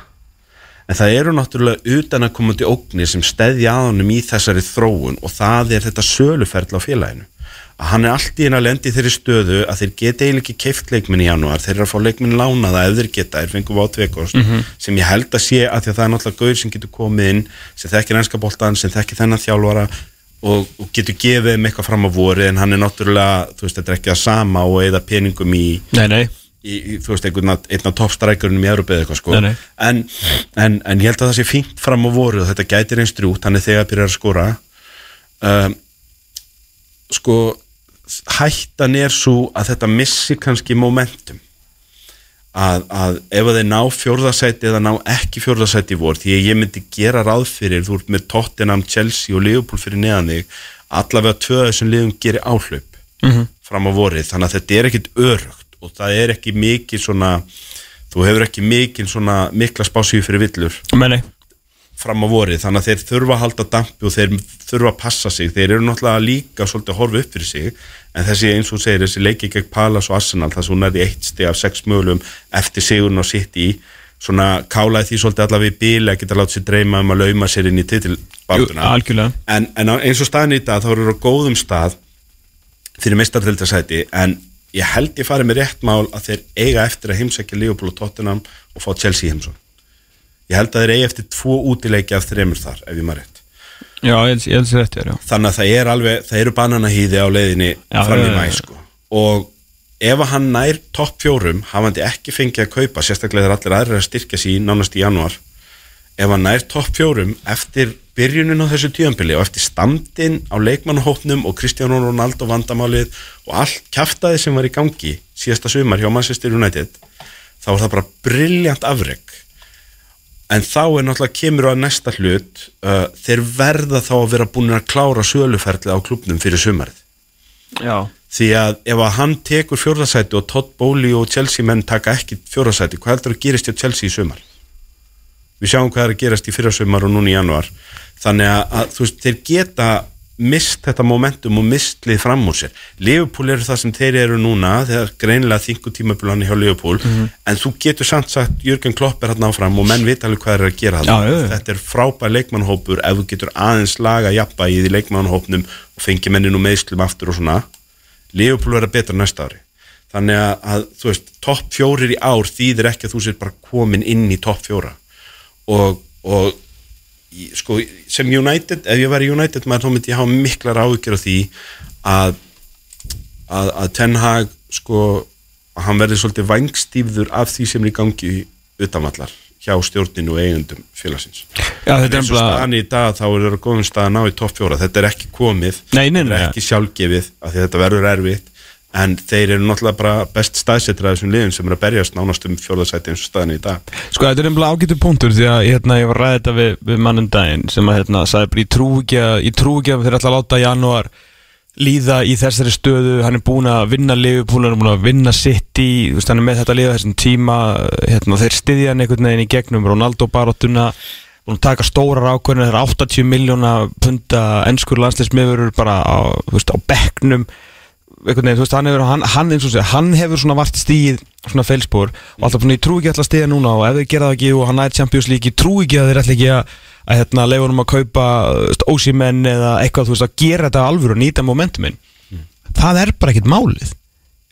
Gleisir fekkar er ekkert að fara að henda í einhverja Kóti Gagpo kveðjugjöf eins og FSG þeir eru bara ekki þannig, þetta er ekki þannig menn sko. Þa, það, það er málið, það, Það er fær málið. bara ekki tækifæri. Þetta snýst ekkit um að, að hérna, Darren Fletcher og, og hérna, hvað er heita upp á skrifstofu núna mm. þeir eru hérna, tilbúinir að hjálpa honum Já. en þeir eru ekki með peningin í rasvarsunum sko. Nei, og, og það náttúrulega, þetta er líka viðkant þegar þú ert í söluferli, það eru viðræður í gangi allar áttir og það er verið að reyna að verðmeta klubbin og það er kannski jafnvel verið að líka að prúta um verðið á klubbnum og það er verið að, þú veist, menn er komið mótilbú og segja við teljum, þú veist, völlum er að þess mikil svirði en þið eru með þetta verða á Ah, og við erum með þetta verðmata á leikmannhófnum og, og svo skekki myndin úr kannski einhverju miðjum samræðum og svo allt í hennu mætir einhver leikmann fyrir 8 80 minnum, einhver ósímenn í janúar. Að það skekkir þetta þannig að þess vegna, ég meina Chelsea voru á nákvæmlega þessum staði fyrra á þessum staði fyrra fyrir svona 11 mánuði síðan þá var stríða að brjótast út í Ukrænu Mhm. og Abramovits var komin í viðskiptamann í Englandi og, og tilkynna það að hann væri með klubbin í sölufell og þeir gátu ekkert gert það var meira að segja vafaða samt á tímabil hvort þeir næði að borga staffinu sínu laun og mannstu þeir máttu ekki selja miða í lausasölu já, já, máttu, selja, máttu bara hérna, ásmeða hafa máttu mæta Já, og, þess vegna, sko, en þeir náðu að klára söluferlið þannig að Todd Bowley gætt mætt sko, þú veist og, og, og, og teki sumarið í að reyna að laga liðið og anslið, við getum svo rætt hvernig það já, jú, jú, jú, en, en þú veist, þetta er það sem United þarf. Þeir geta ekki, januar ok þeir fá vátveikost lánaðan þeir eru að fá mennin og meðslum Jadon Sancho eru snúa tilbaka, það er annars sem hann er bara búin að taka þólimaðin í mm og, og enda er það náttúrulega bara langtíma gróði fyrir þetta félag þeir ná þeim strák í gang. Algjörlega. þeir ætla að fara að gefast upp á hann strax. Og ef þeir geta klára topp fjóra með vátt veikost á láni og eitthvað svona kannski eitt lánstíl eða þeir vilja einn upp á breyttina á miðinni eða eitthvað í viðbót hérna fyrir vorið, ef geta klára topp fjóra þá er alveg ógeðslega mikilvægt fyrir að vera búnir að fá skýrleika í þetta söluferli þannig að það þeirra Todd Bowley eða þeirra FSG eða hverju það er eða þeirra skilur hérna fyrsta dæmi geti komið inn og sagt bara ok, þetta er það sem við viljum. Tenhagur okkar maður, nú ætlum við að vesla inn og gera þetta lið ekki að topp fjórum liði heldur liði sem bestum titlinu á næsta ári. Því að það er allt annað til staðar til að stíga það skref í sumar eða klára topp fjóra í vor. Það er því ég náttúrulega má ekki segja sorglegt sem Liverpool maður. Þá fæ skammir frá öllu samfélaginu. En þú veist fyrir United menn þá væri það sorglegt ef að Já. Ten Hag sem búin standa sér þetta vel í vetur næði topp fjórum með þessu lið og jafnvel deildabíkarnu líka eða eitthvað frábært fyrsta tíumbil án þess í rauninni að geta eitt á við hinn liðin og svona og að missa Kristján Ronaldo sem hann alltaf reyndist að vera gott fyrir félag en við gáttum ekki vita það síðasta sumar. Um, ef, hann nær því og ætla svo að lenda þessu ruggli öllu aftur í sumar, að þú getur bara fengið lánað. Við getum bara eitt 50 miljónum punta í leikmenna því að allt meira skekkir myndin og við erum í miður sölfell og bla bla þú veist, þú mátt ekki parkett leggja hjá þér á meðan að fastegnasalinn er heima hjá þér Nei, nei, nei, nei. að meta og reyna að selja íbúðina eina skilur þannig að, að það er það sem að stemdur fyrir dyrum að það er United menn verða að vona að Ten Hag geti klára topp fjóra og að, að náttúrulega þú veist, þeir þurfa svo sem engan kvata, auka kvata til þess að vona að gleysararnir fokki sér fyrir vorið en þeir eru langt í frá vilselstu menninir í Manchester en, en, hérna, en það er alveg ekstra mikilvægt núna fyrst þeir eru í þessu ferli að þeir klári það.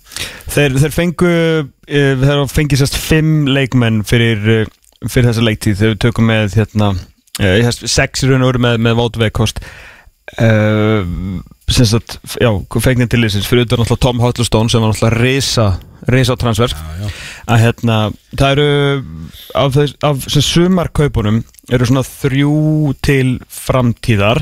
Tvö svona kannski aðeins svona kannski, hvað var að segja, tvö til en svona þryggjandi fimm ára verkefni í Casemiro og Kristjan Eris en framtíðarkaupin voru Tyrell Malasia uh, Lisandro Martínez og Antoni tökum Tyrell Malasia aðeins svona út fyrir svega, ég held að hann verði nú alltaf svona bara heldan geti enda sem varamæður sem fari til fæin út aftur þetta svona fimm ár. Eða tökum Lisandro Martínez og Antoni Já. að því litla svo séð eh, litla, að þessu halva tímbili frá Lisandro Martínez helduru að hann geti farið í svona the pantheon of central defenders hjá United, þá er ég að tala um sko uh, bara Rio Vitic svona folkló, þó hann sé allt öðruvísi leikmaður.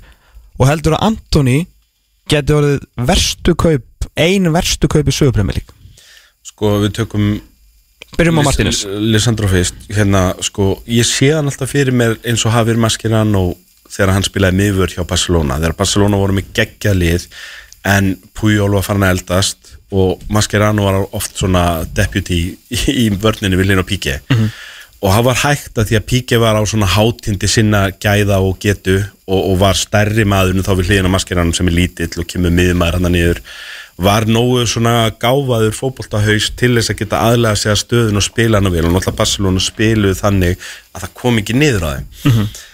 Uh, Martínez sé ég fyrir mér eins og sem slíkan geta hann átt hlutverk. En í eðli hlutana held ég að það sé þannig að það er sama hvað hann spila vel hann er alltaf svona þessi utility player að því að hann hefur ekki rétt af vöxtin í stöðuna Hvað er það að tegja mig, Karrækja núna? Já, fyrir mér fyrir mér þá þarftu bara einfallega að vera stærri. Þú ert að spila í Englandi og þetta verður veikur blettur sem að Elling Holland á eftir að miða á tvísvar á ári, næstu tíu árin eða þú ætlar að spila með Erling Holland í sókninni á City og, og þú veist eða Darwin Núni og sjálf eða hvað er heita. Ef ég tekti að þú geta að vera Holland á hérna Old Trafford um daginn og átti ekki sjens Já, sem var bara brilljant gert, þetta var ekkert smá vel gert hjá United. Mm. ég set samt Það var eitthvað ekki Martínez, Martínez það var annað svona smerri, smerri maður, það var Luxjó Luxjó. Hann ég held að hann sé samt stærri en Martínez Jó, ég held að er svona Hérna- flesti starri en Martínez Já, uh, þú veist uh, fyrir mér þá þá myndi ég segja að þetta er frábæleikmaður mm. hann hefur rétt að hugafarið hann hefur fótboltaheilan, hann þekkir vinnubröð þjálfarnar síns, þjálfarn ber greinlega mikið tröstina, svo þetta er allt saman mikilvægt á einhvernum tímapunkti þá viltu að þinn Virgil van Dijk eða þinn Ruben Díaz eða eitthvað mm. lappið þarna inn og segi takk, ég get tekið við Sko það á að einhverjum tímapunkti Það er ekki þegar ég sagði hérna, hvað sem ég meinti með þessu Ferdinand vitistæmi var bara svona valjónum í kaupunum ég held að hann verði aldrei betri en hvorugur þeirra og ekki einu svona, þú veist. Steve Bruce þess vegna þetta eru frábær valjúkaup frábæður að því að líka bara hann gerir allt fyrir þig Já. Myndi, ef þú myndi beða um að tækla eitthvað í nefið, myndi hann gera, hann myndi ekki spurða þú tekið leikmannu umferð, hann getur verið miðvörður, bakvörður, varnatengilur hjá þér, hann, hann getur sittið á bekknum og tekið 30 mínútur, hann er bara þessi, þessi utility maður Mhm. hérna uh, sem, að, sem að flestir góðir þjálfarar vilja hafa.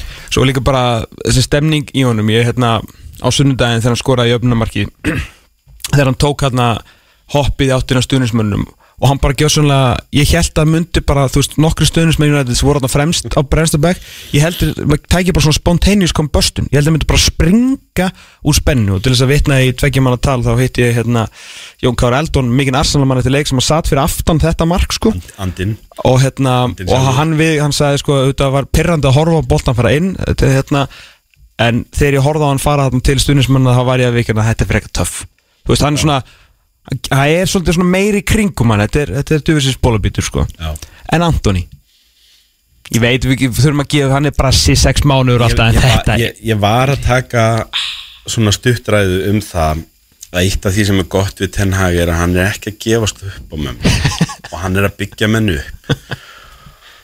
Og það er alveg ljóst að þeir ofborguðu fyrir hann Þú ert búin að viðkynna það sjálfur Já, Eh, þeir eru búin að viðkynna sjálfur þannig að þeir eru umræðu lokið og Já. við verðum að leggja vermiðanum og segja bara þetta er bara leikmaður sem er hjá United í dag hvort sem hann hvort sem hann kostaði 20 miljónir eða 80 Mhm. Er þetta leikmaður sem á hlutverk í leikmannahópnum og getur verið hlutverk í leikmannahópnum eða er þetta jafn leikmaður sem getur sprungið út og orðið ein, ein af stjörnum liðsin sem þeir treysta maður sem er sko ekki að skora og ekki að leggja upp hinga til og, og er þekktastur fyrir uh, fíblalæti sem að eru til þess að hann tekin út af. Og hérna uh, það voru auðvelt að sitja hérna og segja eitthvað, já þetta er bara svona eitthvað svona TikTok dúti skilur sem að tekur þetta ekki alvarlega og mun aldrei ná þessu.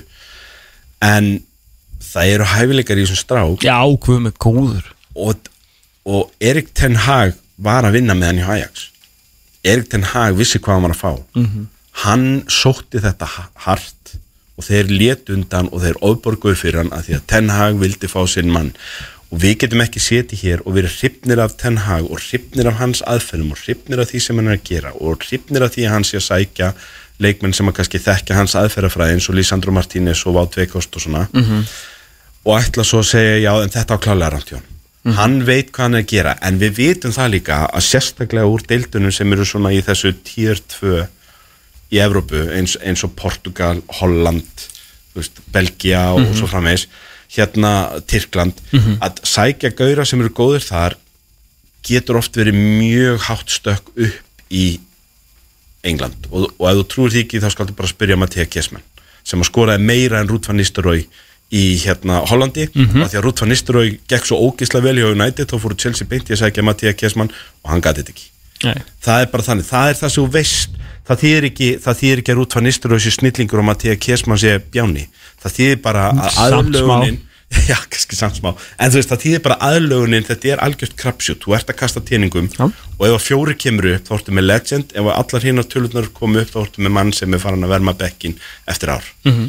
og hann stefnir þangað núna en ég myndi ekkit eitthvað afskrifa það. Nei, nei, hann er, hann er hann ungur fær hann er alltaf líka næsta tímabil líka. Já, já. og Ten Hag er bara, við erum að sjá hann er að vinna með aðra leikmenn þannig. Hann saltar þá þennan strák bara hann setur þá bara núna, þú veist, hann er með Garnaccio og hann er með Pellistri og, og, og, og, og Jadon Sancho er að koma tilbaka og það er fullt að gerast hjá þeim í þessu. Martial er komin inn á meðslun, þeir eru komin með Vátvikost þannig að Rashford er þarna og veist, það er hellingur að gerast, hann hefur mér að segja eins og á móti City að þá byrja hann að nota Bruno þarna úti. Um, hann hefur alveg efna á því þessi leikmar er hjá þeim, hann hefur alveg efna á því og þeir eru sko alls ekki að fara að selja hann í sumar eða get ekki keift Nei, nei, hann er, er aldrei, að fara sko, það er náttúrulega ekki, umræðan sko. Við ætlum bara að finna út úr þessu. En ég held um líka, ég held að svona með finnst svolítið eins og á, á Ten Hag að hann hugsar líka vantilega hérna það er mjög skrítið að ég fara að þú veist kaupa ná allan að penning og við erum búin að viðkynna af ofborgum en það er bara, þú veist, það er eins og það er. Það verður ekki tekið tilbaka Nei, nei en hann mun ekkert læra á Premier League með að horfa á hana sko Nei, þú átt ekki að heldur að sína leikmanninu minni þólimæði að því að hann var dýr Nei, nei, Leikmanninu hjá þau núna það er og bara, það, er bara sem gerði æfingasvæðinu. það vel sko Já, það er, að leikmaðurinn kom því ekkert hvort sem að því leikmannin sko kom frítt eða kostaði metfjö Já. þá er hann hjá þau núna og þetta er bara manneski sem stendur fyrir fram að þig alla dag á æfingasæðinu Mhm. hvað ætlar að gera við hann Einmitt. og hann fær alveg sömu Og vel, þar sko, eins, að- og, eins og ungu strákanir eins og Elanga eða eitthvað skilur Mhm. eða, eða einhverjur aðrir dýrir eða milungstýrir Mhm. þetta snýst bara um það hvenar þeir segja ok, þetta er ekki að gerast Fór það er ekki að gerast núna Nei. en hann fær að halda áfram að reyna Fínasta marki í byggarnur endur á, á dögunum hann að hérna, þetta er, er hérna, áhugaverður, áhugaverður strákur Herri, nú ætlum ég bara að fara fram að fá mig kaffibólla og ætlum bara að segja orðið Liverpool og hérna og bara jæja, svo bara að þetta þetta, er hérna þetta er ráðgáta mikla. Ég held ég sé búin að leysa hana. Ok, og ég hef verið svona, wow. ég svona pröfukeira Ertu með einhverju teóri yfir það? Já, já, já, sko, ég er með meira en teóriur Ég held þetta sé bara svona nánast sannað. Það er svo, þetta er ég, rannsók ég fer alltaf aftur í það sem að Neven Subotic sagði í viðtali um tíman hjá Dortmund. Hann gaf viðtal svona fyrir þreymur árum Þegar Klopp var búin að vera hjá Leopold í fjör ár og var hann mestari með Leopold Já. Og hann var sem sagt spurður út í það hvað klikkað á loka árunni hjá Dortmund. Og hann sagði Fyr, Fyrir þá sem ekki vita þá voru þeir í, í fallsæti Já, nálat fallsæti Já, og voru bara að byggja stuðnismenn afsökunar Já, sérst, sko, alveg bara, ekki bara eftir fjórum fyrir heldur bara um, veturinn. Sérst, eftir að fóru í vetrarleifi þá voru þeir bara í fattsæti eftir að hafa verið bara eitt af tveimur bestu og besta liði Og náttúrulega spiluð til úslitu mistardildin ári áður. Ára áður, hafðu unni deildina tvö ár þar ári í röð, voru í fattsæti endur samt í sjöunda og unnu byggarinn Já, þeir unnu upp, þeir svona réttu kútnum á lokaspettinu en fyrir hluti tímbils var sjokkerandi með að við gæðin. Þetta lið átti ekki að, þú veist, þetta er eins og að Chelsea var í fallsæti núna. Basically, Þetta var galið, sko. Og hérna um, og, og það var síðasta tíðanbili klopp hjá Dortmund. Og menn á alltaf spurt sig út af þessu síðasta tíðanbili er líftími á því sem hann er að gera hjá Liverpool þá byrjaði náttúrulega þetta, er það 6th eða 7th season syndrom Það var se seventh season hjá honum, hann var sjö árum með Mainz, hann var sjö árum með Dortmund er þetta sjöunda eða var það í fyrra? Það var í fyrra, Það var í fyrra. áttunda ári hans hjá Áttunda ári, Liverpool. Hann tók við 2015 sko Þannig að 7th season syndrom Já, hjá, það hjá Liverpool var Já, hvað, silfur og tveir hann búin að byggarar taka sjö og rúmlega sjö og hálft tímabil með Já, Liverpool sko. já. en hérna það sem að sko, hann tala alltaf um að það voru allir að kaupa hlutabrifi í þessu verkefni, það voru allir að trúa á verkefni og það voru allir andimandi staðar og allt saman, en það sem að hann bað okkur um var bara svo intens og svo mikið að á einhverjum tíumpunkti að þá klukkuðu menn sig út. Andlega saðan eftir á higgja þá sjá, sáum við það skýrt að það var bara ekki sama intensity til staðar í verkefninu. -hmm. og það er rosalega erfitt að feika það, sama ert að fá mikið borgað eða ert góður í fótbolta það er rosalega erfitt að feika það ef þú ert orðin andlega þreyttur á verkefninu. Og þá komum við að Liverpool þeir hafa tekið eina lægð á þessum tíma hjá Klopp, þetta hefur verið upp á við upp á toppin og svo hefur þetta verið á toppnum fyrir utan hérna fyrir tveimur árum þar sem að liði lendi í meðslum einmitt svona um mitt tíambil eins og núna og það var eitthvað svona andli lægð og menn mistu trú á verkefninu og mis- mistu þetta intensity. En svo kom það tilbaka og þeir rettuðu fjórðasætun aftur um vorið sem að náttúrulega hjálpaði þeim að komast inn í úslítmistardildinar árið og eftir og annars lík Jú, jú. en þetta, það var ekki tilviljun held ég að þetta gerðist árið eftir að þeir unnu deildina. Með þvílíku gengi í deildinni. Og árið eftir að þeir höfðu sem sagt lendi í öðru sæti og unni mistardeildin og svo unni deildina það, árið þar á eftir svo kemur lægð og svo gerum við þetta aftur núna byggja upp og þeir taka á síðasta tímabili fara og spila um alla fara í sagt loka daginn, loka leikin í öllum keppnum, vinna tvo byggara en ná ekki mistardeildinu og ná ekki deildinni.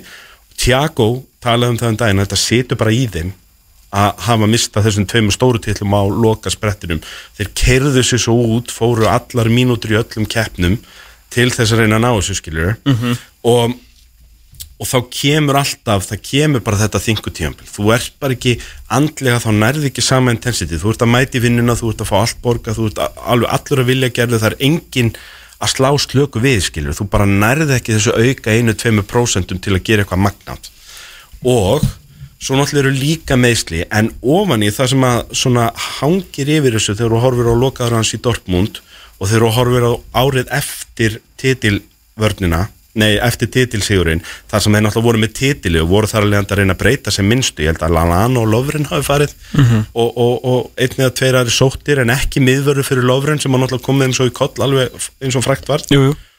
Við erum á þeim stað núna að þeir voru svo góðir í fyrra þeir voru svo ógeðslega góðir að það eru svona lámarsbreytingar í sumar. Þeir mistu Sati og Mane og þeir voru búin að kaupa Luis Díaz á miðutjömpil og sækja svo Darvin Núñez sem á svona cover að það en, og þeir sækja þennan strák sem hefur ekkert náð að spila sem backup fyrir Trent Alexander-Arnold og svo lenda þeir bara í þessari andluð þreytu og þeir lenda í meðslum af því að þetta liður einfallega þreyttar að það er einfallega búið að spila. Ég sá ykkur staðar í vikuna þeir eru búin að spila næstu í helmingi fleiri mínútur að meðaltali sem sagt fyrstu 15 eða eitthvað hjá Leopold heldur en Arsenal síðustu tvö árin.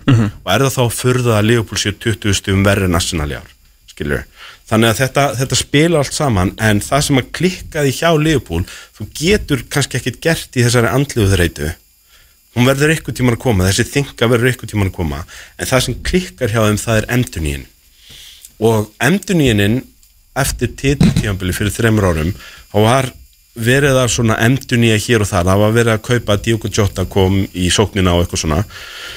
En þeir endurnýjuðu ekki miðverina af því að og svo bara allt í hennu var Van Dijk farin og svo af Matip og Gómez farnir á í nöðu mánuði eftir að Van Dijk var farin fyrir tíðanbili skilur og allt í hennu voru farin að nota Jordan Henderson og Fabinho í miðverð og það fór sem fór og það sama gerist núna, þú ert að emdur nýja það er verið að sækja þarna strák sem á að vera bakk upp fyrir trend, það er verið að sækja Darvin Núñez og, og Luis Díaz í framlínuna og svo framvegis og, og, og Fabio Carvalho er þarna, en það er engin endur nýjun á miðinni og hvað gerist? Miðjan er andvana í allan vetur leikmenninni sem hafa verið svo frábærir eru það bara ekki lengur. Og þeir eru bara búin að fá eldast þarna og það verður ekki átt sér stað neyn endunín á þeirri, þessari veiga miklu stöð á vellinum. Og við erum að lendi því að það er alveg sama hvort mótherrin er Master City eða Brighton eða Brentford eða jafnvel lið sem er ennþá neðar eins og þegar Leeds kom í heimsókn á Anfield. Að miðjan er að yfirkera miðjuna hjá Liverpool og það skiptir einhver máli þó svo maðurinn heiti Jordan Henderson og Thiago Alcantara og Fabinho sem eru fyrirlegar og, og landslýsmenn og allt það í rosa landslýðum það skiptir einhver þegar að koma bara leikmenn sem eru einfallega yngri og öfluri og geta hlaupið 5 km meira í leik. Það, þú veist, það er það sem er að skilja og það er allt búið að rinja í vetur alveg eins og það gerist fyrir þremur að það hrundi allt út frá vörninni að þeir gátu bara ekki spila boltan múti gátu ekki spila kloppboltan og þeir gátu ekki treyst á miðurinn og þeir voru allt í nú farin að gefa fullt á ódýrum færum og ódýrum mörgum sem þeir voru ekki vanir að gera. Í dag að það voru alltaf hrinja út frá miðjunni og það náttúrulega þá trublast rithmin og maður sér það að, að allir aðrir eru bara skuggin á sjálfum sér. Náttúrulega Trent er búin að mjög erfitt tímabil alveg frá byrjun og eiginlega allt 2022 var erfitt. Mm Sala finnst mér ekki að hafa verið nema skuggin á sjálfum sér eftir að hann framlengdi og kannski áttum en bara að selja Sala eftir á hyggja en það voru öll að segja það. Ég meina svo kannski rekkur hann í ganga aftur núna vormánun og hann er hann, þetta er, þetta er skilurðu. Þetta er Mo Salah. en, en það er staðan í þessu lið staðan er svo að það er rosalega erfitt að laga þetta tiltekna vandamál nema sækja menn. Og þess vegna er ég ekki sammála því að Klopp sagði um daginn að það væri ekki hægt að laga þetta á leikmannamarkanum núna í januar. Ég er bara ekki sammála því og ég bendi á máli mínu til stuðnings hvernig þeir leistu neyðar vandamál í januar fyrir þreymur árum, eða fyrir tveimur árum. Þeir eru sættu, sóttu hérna Osan Kabak og keftu strák sem að síðan þurftu á endanum aldrei að spila leiki. Þeir sóttu tvo miðverði, bara svona neyðar miðverði Osan Kabak var ekkit eitthvað nógu góður til að vera næsti fann dæki á Liverpool en hann kom og gaf okkur góða 10-12 góða leiki með strákum og með Fabinho og eitthvað svona þannig að það var hægt að tjastla þessu saman. Og ég sverða að er, þú skalt ekki segja mér að það sé ekki eitthvað miðjumæður í Bournemouth eða Brentford eða Brighton eða eitthvað í dag sem að gæti ekki komið með smá kraft og vítamin inn í þessa miðju og ef ekki annað en bara teki vinnu sem er á, ég veit að Klopp hugs, hann er með ákveðna hugmyndafræði, hann vil að menn kynnist í hvernig hann vinnur hvernig er æfa, komist svona up to speed, þessum erum við til dæmis allir drullu þólumóðu með Darwin Núñez núna og Fabio Carvalho af því að þeir eru bara að taka fyrsta tímabil ungir og eru að koma sér inn í Darvin núna það nú bara að hitta á marki það er nú eiginlega eina sem að vantar í lítur sinn rosalega leik út. sko. En, en, en á einhverjum tímpúnti þá þarftu bara að segja heyrðu, hérna, húsið hrinur ef ég spastla ekki þessa sprungu fram á vorið, þangað til að verktakinn getur komið og endur nýja vekkinn Það er náttúrulega mjög skrítin hérna, afsökun að segja að það sé ekki að lösa þetta á félagsgettamarkanum eru nú þegar búin að reyna það í Arthur Melo sko. hann er náttúrulega koma aftur og kloppar eitthvað að reyna að tala hann upp í vikunni en, en hvað Nei, jésus menn sko. hérna, Sko, en, en, sko, að því að það þeir gerðu síðasta sumáðar þeir voru búinir nánast að kaupa miðmannin sem þeir vildu þeir voru búin að klára samninga Tchouaméni, allt já, já. saman við Orlean Tjóminni og hann einfallega val, hann var með tvö tilbúið á borðinu, hann valdi real. Mhm. og þá gera Liverpool bara það sem hefur gengið svo vel hjá þeim í gegnum árin að segja bara, ok, við ætlum ekki að kaupa bara til að kaupa, við býðum næsti maður upp á dekk er Jude Bellingham og hann er ekki klár fyrir en eftir ár. Það er ekki sens að fá hann núna. Þannig að við ætlum bara býða það er okkar maður, það er svo eini. Og það er rosalega gott að blessa þegar þú ert að reyna að byggja upp lið upp á við eða þegar þú ert með lið sem er rosalega frábært og ert að reyna að bæta einum frábærum við. En þegar þú ert með lið sem er að rinja þá er þetta að mínum að þetta ekki taktikinn ef þú getur tekið Jude Bellingham og sett í þetta liðbúlið núna þá myndi hann ekki laga öll vandamálin í þessu lið. Það er mjög skoðun á þessu. Ekki rétt, frekar en Declan Rice eða, eða Moses Kaiseto eða hvað er heita Þannig að það þarf- myndi hjálpa til en ekki það laga myndi sko. hjálpa til en ekki laga allt þannig að er þá þess virði að ætla að kasta þessu tíðanbíl frá sér og býða eftir Jude Bellingham sem er svo alltaf að fara að fá helmingi herra samningsbúð frá Real eða Masti City og fara þangað í sumar. Sorry, ég hef enga trú á að hann sé að koma til Liverpool sko. Nei, ég menn þú getur verið með kálfa eins og Ronny Kólmann sko og Hausas og Magnús Karlsson ef að hjarta er döitt þá ertu döður sko. Það, það er bara eitthvað ótrú, ég veit að það er Liverpool hjarta hann og eitthvað, þú veist Ég er að tala um miðju, þegar- bara miðjan hjarta í liðinu og ef það slæri ekki rétt sko, það er bara hjartaflögt og þá ertu bara í vesinni. Og sko ef það hérna, er verið mikið Dortmund maður núna í að hérna, verða 25 ára eða eitthvað og náttúrulega fylgdist mjög grant með þessu klopp tímbili á Dortmund, náttúrulega var enn hérna, þískiboltin og Eurosport og maður Dortmund horfði eiginlega bara manntrúar á þetta líka. Maður var bara að fylgjast með það því að þetta var það áhugaverðast Já, þetta var bara áhugaverðast í Evrópuboltanum. Það árið Það bara bara Hvern- Hvernig er þetta lið ekki lengur gott í fótbolta? Nei, og og bara árun og undan að fylgjast með en þetta ár var líka, þetta var mjög magna sko, og það sem, að, það sem að hann hefur lært og það sem að sko, hérna,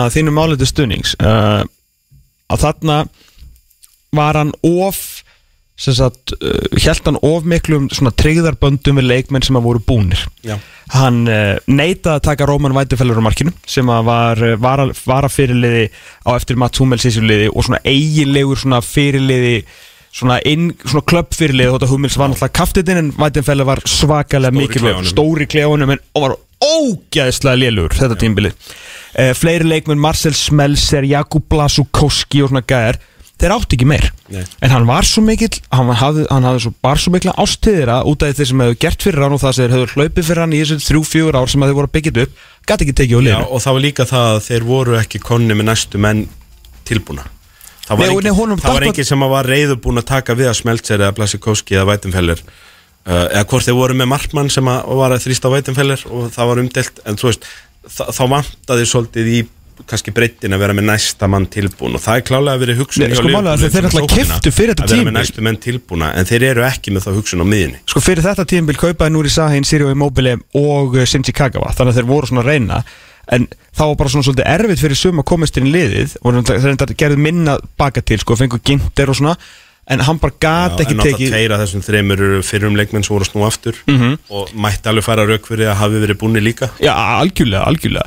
En það sem að Jürgen Klopp hef, Þetta hefur að minnst að kosti kentunum að við sjáum Er að hann er að taka Andy Robertson af öllum mönnum úr liðinu Það er einu maður sem ég myndi aldrei taka úr þessu það liði er sko. náttúrulega bara því að hann er með mann sem hann getur þrýst á hann þeim megin. Já, en- en hann hefur líka verið Alls ekki, en, sko. en það, er, það er ekkert hínum megin. Nei, en, en sko Jürgen Klopp 2015 hann getur hefði aldrei tekið Andy Robertson úr liðinu. Það hefði aldrei gerst. Nei, nei, hann- og náttúrulega Fabinho, hann er búin að sitja hann er búin að bekka hann fyrir 18 ára strák núna. Þannig að þú veist, þetta hefur hann lært að það bara breytir ekki máli. Að sama hversu mikið hann reyfi til og reynir að hérna, gefa mönnum kvíld og eitthvað að optionandur á ekki. er, hann á bara ekki optiona og uh, svo er þetta líka, þú ætlar að koma Curtis Jonesin Curtis Jones þarf prime Jordan Henderson og prime Fabinho til þess að verða betri leikmaður. Hann getur ekki bórið þetta uppi Curtis Jones verður farin að spila fyrir Bournemouth eftir ár. Já, já, kannski ekki en Ég er búin að horfa á alla leiki með Curtis Jones. Ég hef haft miklar væntingar. Hann er ekki náselt Nei, því miður. Því miður Hann fekk bara ekki nógu marg það ritma. og hann er ekki fengið nógu margar leiki Já, með þessu prime gæm Hann er einhvern veginn ennþá ekki búin að finna sína bestu stöðu. Hann hægir alltaf á spilinu. Mér finnst hann ekki vera Mér finnst hann ekki vera nást í mér. Nei, ég er sammála því sko. Það er miklu meiri Harvey Elliot sko. Það verður alveg ljóst að það verður vestlað í sumar. Og ef að, ef að Bellingham klikkar þá getur þú rétt ímyndaðir að þeir söfli þá þeim peningum sem voru eyrnamertir í Bellingham sem eru ekki lágar upp að þér Nei. í svona 2-3 í staðin Leopold verður með breyta þessari blessuðu miðju í haust. En það getur verið ansi dýrt. Ég klopp er alveg nógu góð stjóri til þess að ég búist við því að þetta hafi verið svona eitthvað skona botnin, þeir hafi verið að skrapa botnin hérna núna í, um jólin og í januar -hmm. og þeir sé ekkert eitthvað að fara að tapa fjórum að hverjum fimm fram á vorið skiljur, það er bara, þetta er bara fallform á, á Leopold síðan á þólasmessu sko.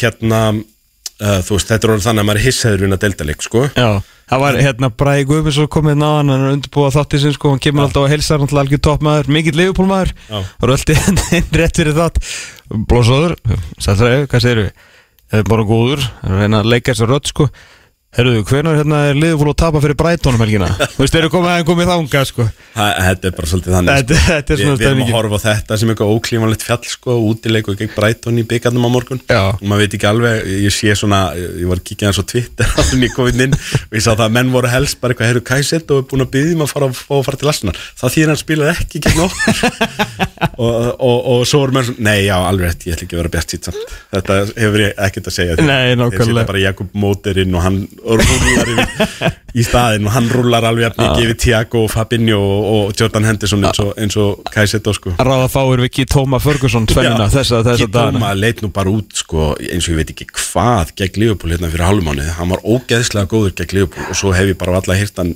nefnd hann á nafn. Og þetta verið svolítið þannig sko, Crescencio Summerville skoraði við sigumarki fyrir Leeds á Anfield í haust og þá held allir að hann var eitthvað spaði hann skoraði sigumarka held ég. Í næsta leik, sko. næsta leik, svo hann ekkert geta síðan Nei, það er enda svolítið lítið sko. En þú veist, það er svolítið mikið Liverpool þannig, sko, það er þessi þreita sem er í þess að menn er að gefa ódýrari færi en áður, veist, það er ekki sama stáli, það er ekki sama varnamórin, múrin, þeir eru ekki með sömu stjórn á leiknum, þeir eru ekki eins beittir fram á við, alveg klárlega. Nei, Og það vantar mestu um rúmlega helmingi þar, Já, sko. það vantar alveg allt og mikið þar, Vantar fjóra af sex Kóti Gakbo átti aldrei að þurfa að lappa inn Nei, í þessari nei. stöðu og ef það er eitthvað Liverpool maður úti sem er að reyna dæma Gakbo að því hvernig fyrstu fjóru, fimm leikinu hans álit út þegar liði kringum hann er að rinja og það vantar annarkvæmt mann Róa róa, Róa. slökum Herru, tökum aðra stutta pásu þegar við komum tilbaki Það er að Chelsea, steiknum á stóru yfir nokkur áhugaverð lið og svo er þetta komið að því það eru velunin fyrir uh, fjórðung númer 2, þetta er fótbolti.net á lögati Þú ert að hlusta á fótbolti.net á exinu 977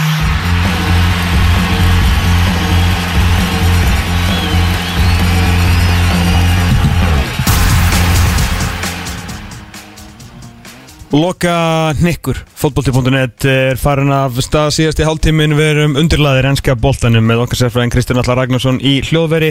Elvar í menningar, vísinda og uh, skemmtuferð, smá kannski skemmtuferð í Króli er að fara að senda annan leik með Solford City á tímbilinu geri aðrir betur, geri þetta fáir betur heldur en Elvar Geir Magnússon.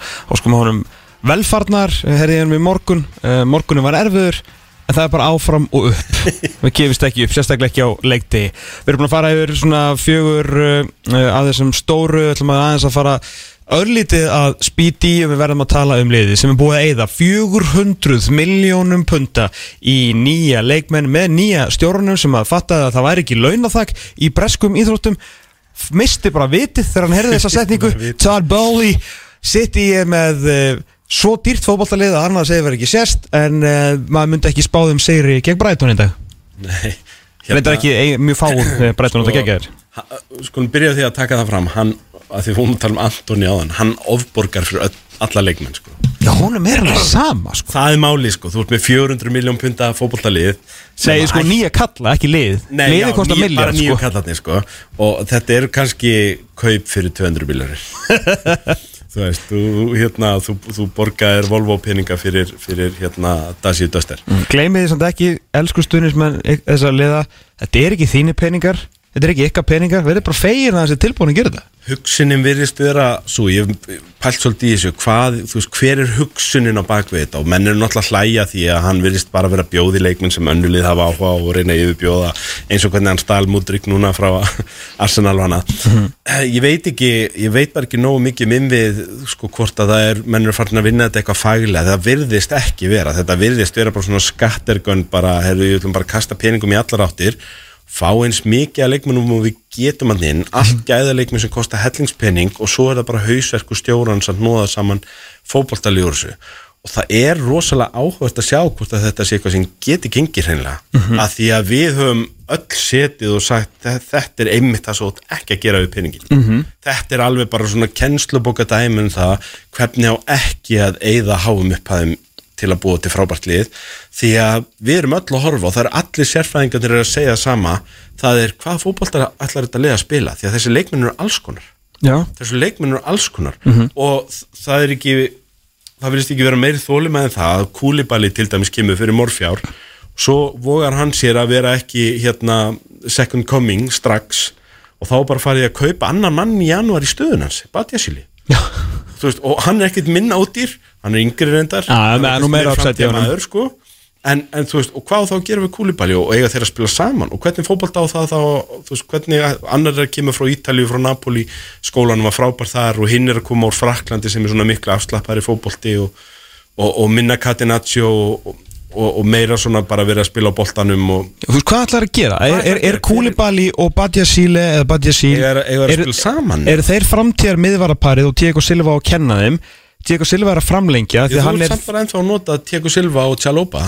Já, svo, svo er það sko, þannig að þú veist, ætlar að spila þryggja manna, tveggja manna þú veist, þetta er ástæðan fyrir eins og alla sunda þegar við erum að reyna að ræða Chelsea þeir leikur þeirra fer einhvern veginn Já. þú veist, þeir vinnið að tappa, það gerir jættifli og ok, þetta gerir þeir í leiknum. Já. svo ætlar að tala meira um Chelsea það, það er ekki hægt. Þetta hefur svolítið einkent á finnst með síðustu ár Lampard, uh, við getum gaggrind Lampard fyrir margt, en hann má þó eiga það, hann reyndi að innleiða smá fótboltastefnu þarna, Já, en hann bara á endanum reyndist ekki vera í rauninni stjóri af því kalibir að, ná því, skilur kannski svipað og Solskjær hjá United.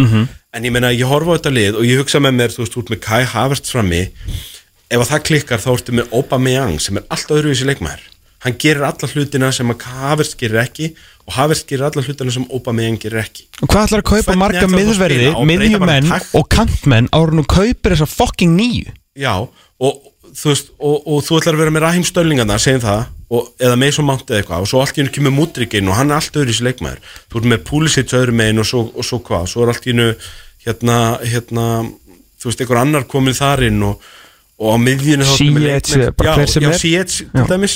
þetta eru leikmenn sem eiga ekki margt sammeilegt fyrir utan það að spila sömu stöð þú ert með Rhys James í bakverðinum og ef það klikkar að þá er að, spila kvitakominandinn og, og hann er allt öðru í þessu leikmenn Nú eða og í síðasta leik. það er ekki verið að reyna að sækja leikmenn sem hefur svipað eða sömu eiginleika til að geta haldið áfram að spila taktíkina. Það er engin hugsun í því og ég skil ekki þetta er alveg magnaði leikmannahópur. Þú horfir á þetta þá er þetta bara heyru, hér er bara vissla sko. Mhm. en hvernig á þetta að liða að spila fótbolta? Og hvernig fótbolta ætlar að spila sem að hemtar þessum leikmennum og, og, eins og, og svo eins og þú segir, hvað er nýjan? Þetta er náttúrulega, þetta er náttúrulega ef það er enginn sem getur skora fimm eða meiri mörg á tímabili þá er þetta náttúrulega svolítið fallið um sjálft sig. En, en svo, þú veist, hugsunum virðist bara vera herru, við erum bara að eyða þessum peningum en satt og mikið og vel við getum. Og ef að Graham Potter getur ekki svoðið samanliður þessu, þá bara finnum við einhvern annan sem getur það.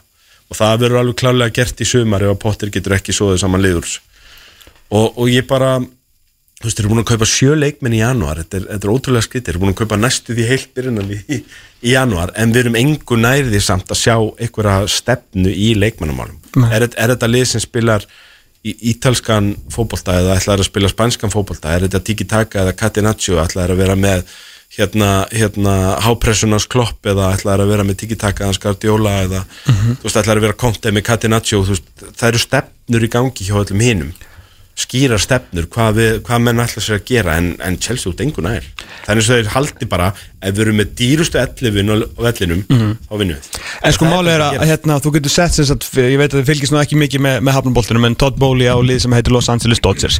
Dodgers er dýrasta liðið núna reyndar ásamt New York Mets sem er, að- er að missa vitið uh, í, hérna, í beisarunum og New York Yankees. En Dodgers eru með, eins og síðasta tímbili þá var, þú talar um bestu 11 þeir voru eiginlega með all-star lið, við erum að tala um bara einhver einustu stöðu hefur getað fært rauk fyrir því að gerin er topp 3, jafnvel topp 2 bara svona rugglað lið sem að kostaði það mestaði næst mestaði dildinni mm. og þetta er lið og hérna, þeir ætla sér að hérna, vinna þetta núna mörgursunum á, á næstu árum og unnusast 2020 The World Series. E, og bara erum alltaf núna bara með topp 3 launaskrá þjálfarin þessa liðs, aftur á móti, er 50 vissulega, hann er ekki jafn ungur og Potter sem við starfnum fært út eða ekki e, hann heitir Dave Roberts.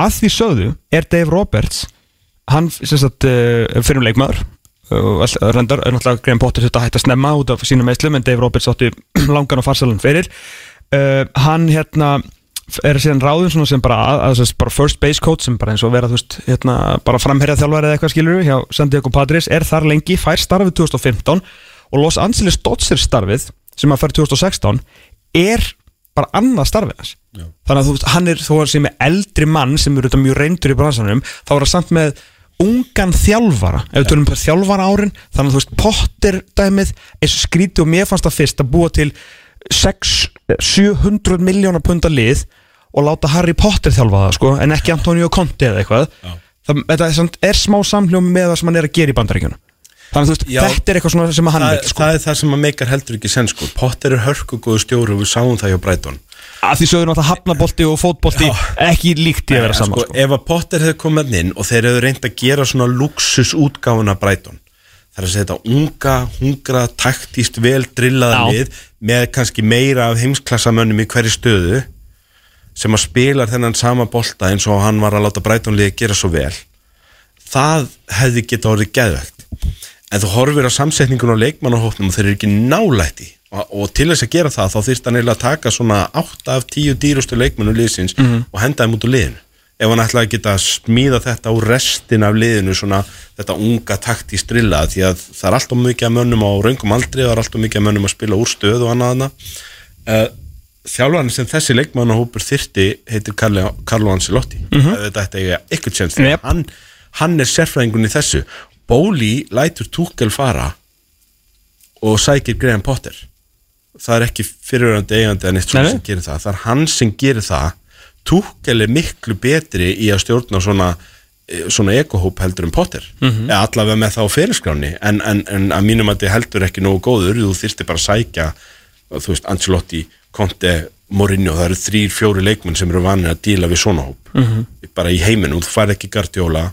Þú hefur, það eru verið óvinnsælt að sækja Mourinho á þessu jú. Ancelotti er hjá Real Akkur ertu þá að þessu? Það er eins og þú veist, þetta, er eins og þegar að menn þú talar um hérna hafnaboltan, ég fylgist kannski meira með til dæmis körfunni vestanhafs Mhm. og þegar menn reyna að búa til eitthvað svona hérna súpeli þar sem þið sækja þrjár svona hérna all time great stjörnur eða eitthvað og Mm. Þá er Larry Brown að þjálfa, sko. Já, og svo er bara einhver, einhver, einhver hérna nýlið eitthvað að þjálfa eitthvað sem er að þú veist, þú þart Phil Jackson búa þetta lið til og sækir Phil Jackson og, og hérna uh, þú getur ekki ráðið bara einhvern hungraðan ungan stjóra og ætla svo að láta hann þú veist, hérna, já, hann er góður þessi að því að hann keiri formúlubíla alveg ógeðsla vel já, nú viljum við hann keiri flota af skriðdri það er bara ekki það sem hann var góður í 17. Af- af hverju er bílasamlíkingin Potter í dag. Já, við, eh, við erum engi bílamenn það eru fólk úti sem er farið að skalla stýrið á bílnum bara hvað er tala Nei, þetta- þetta þú verður- þetta er ekkert- sjá þetta. Það er einhvern veginn ekkert við þetta sem passar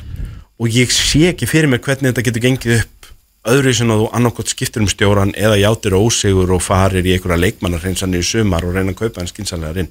Því að þetta leið eins og samansett í dag með þessum stjóra er bara að þú ert að reyna að tróða kassa og henni ringlaga gat sko. Einmitt, þetta var smá, þannig stefing Hérna, nær njúkastlega fjóraða Newcastle nær þriðja.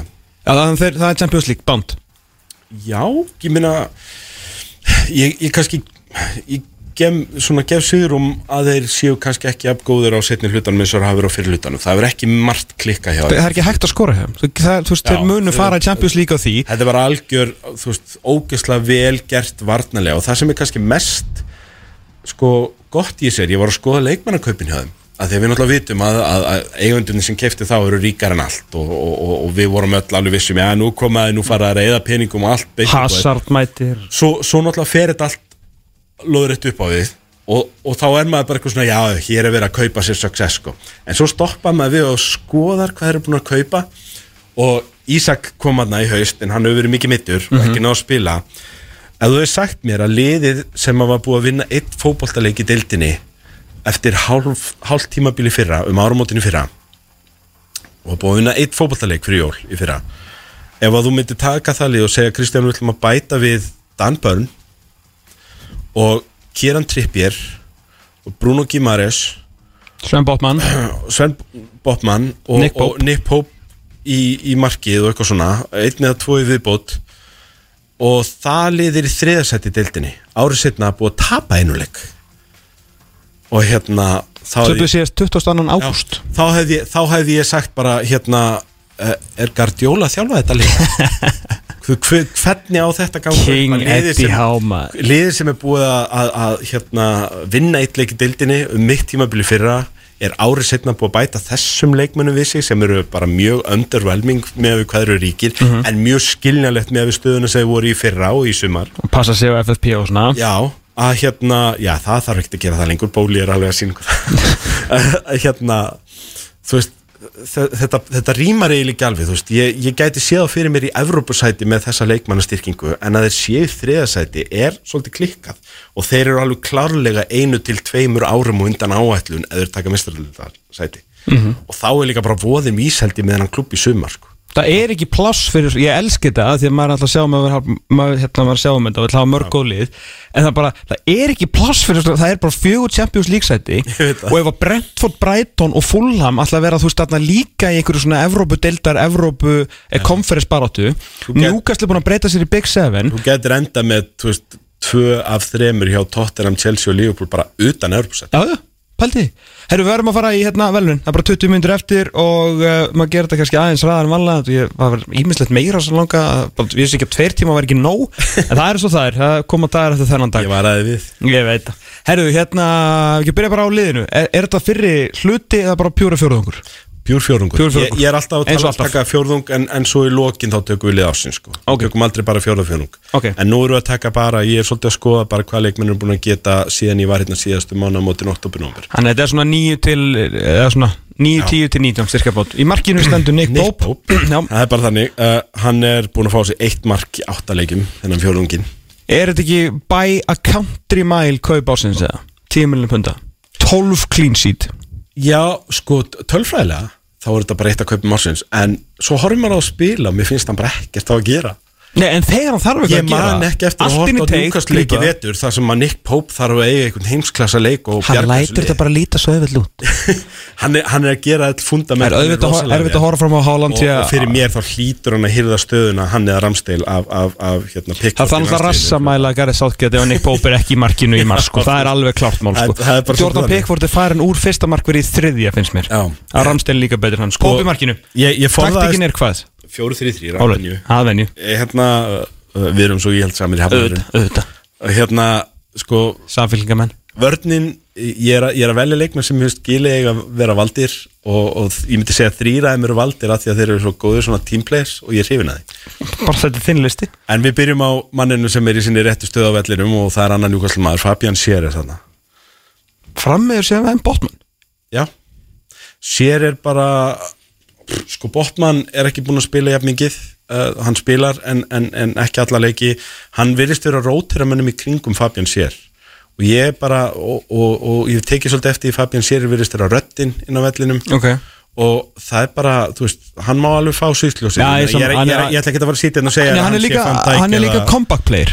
Elsku, ég held að það væri þetta lélegasti maður sem var bara leiðin í Championship dildina fyrir árið síðan og eitthvað svona. Þá fyrst átt að þess að hversu lélugur Jamal Lascelles í raunum veru er. Já, en það er líka það að kemur á daginn að það er alveg hægt að þjálfa leikminn Herðu ótrúlegt.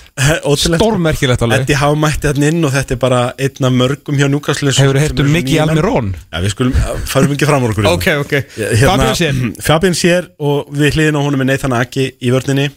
Vinstri hluti varnarnar er Nathan Aki og Luke Shaw og þú í raunnið, þessi fjórðungur er þannig að þú ræður er að þú hefur í bakverði og er að þú hefur í miðveri Ég hef verið hrifin að því að Nathan Aki sem að var bara keiftur sem svona eitthvað uppfyllingarefni á bekkin 50 miljonum bunda Já, fyrir 50 miljonir er, er búin að vera sá miðverður sem er búin að spila flesta leiki á samt John Stones í vettur Staðið sig og, og búin að spila flesta leiki hjá þeim Og hvað ertu með hann í miðveru við hliðinu? Ég hef hann í miðveru og Luke Shaw í bakverð en í rauninni þá ætti ég að hafa Luke Shaw í miðveru og hann í bakverð En þú getur allan að Ekki rótera. spila bæði en Luke Shaw hefur verið flottur í miðverunni Já. sko. og, og þeir eiga þetta bara báður vel skilju Sammála. Hínum megin er ég svo með Ben White sem er miðverður sem að tók að sér hægri bakverðastöðuna hjá Arsenal og hefur bara staðið sig lígilega vel. Hann er, er búin að ógeðslega góður Já, þa þannig að hann á þetta bara alveg ný. Ég held veginn að hann var búinn að því að hann Saliba og Gabriel Vistus bara eiga miður á stöðuna en svo Tommy Asu var mittur í haust og þá bara opnaðist svona einhver gluggi og hann setti frekarnist að Cedric Soares inn og þá sett hann hérna Ben White í bakverðin og ég var ekki alveg viss sko því að Arsenal vantaði mörg vitu við Já. eftir fyrra, tímabilið fyrra. En talandi um að þjálfa menn, bara í overlappin hans Hann líka veið, hann líka Það hann, hann er góður. Og þessi þrýðningu sem myndast þarna hæra menn á vellinu Þegar hann mætir, þessi Bermuda þrýðningur hans Sérst White, Saka og Martin Og hefur hann inn. Saka líka svo mikið sko, hann, Saka er bara með miðvör fyrir aftans hann þarf ekki að hafa sko, Saka er eitt af vinnutröllunum í þessari deild Jep. sko, ógeðslega yðin og rosalega góður að trakka tilbaka og allt þetta. En, en sóknarlega séð þá er hann rosalega mikið hjá Arsenal og það er náttúrulega líka og, og eins og auðvitað að því að Ben White gefið um þetta á bakvið sko, þeir bara treysta því sem er fyrir aftan sig. Algjörlega. Þannig að það er vörnin Þetta voru þinn Uh, Varnantengilegur fyrir aftan alla listamennina sem ég valdi í liðið heitir Casemiro. Já, ég held að sé, held að sé eina rétt að vali Já, partí hefði nú alveg mátt vera hann. Já, sko, við erum alltaf leiðilega við Rodri Rodri má alveg vera Hann er bara búin að setja rána eitthvað upp í Já, ég var bara næstu búin að velja hann en eina ferðin enn þá er ég einhvern veginn bara svona það vita alveg hvað Rodri er góður. Já. Ég ætla að gefa sjátt á þetta góður sem að máli hefur unni Most underwhelming best player in the world. Já.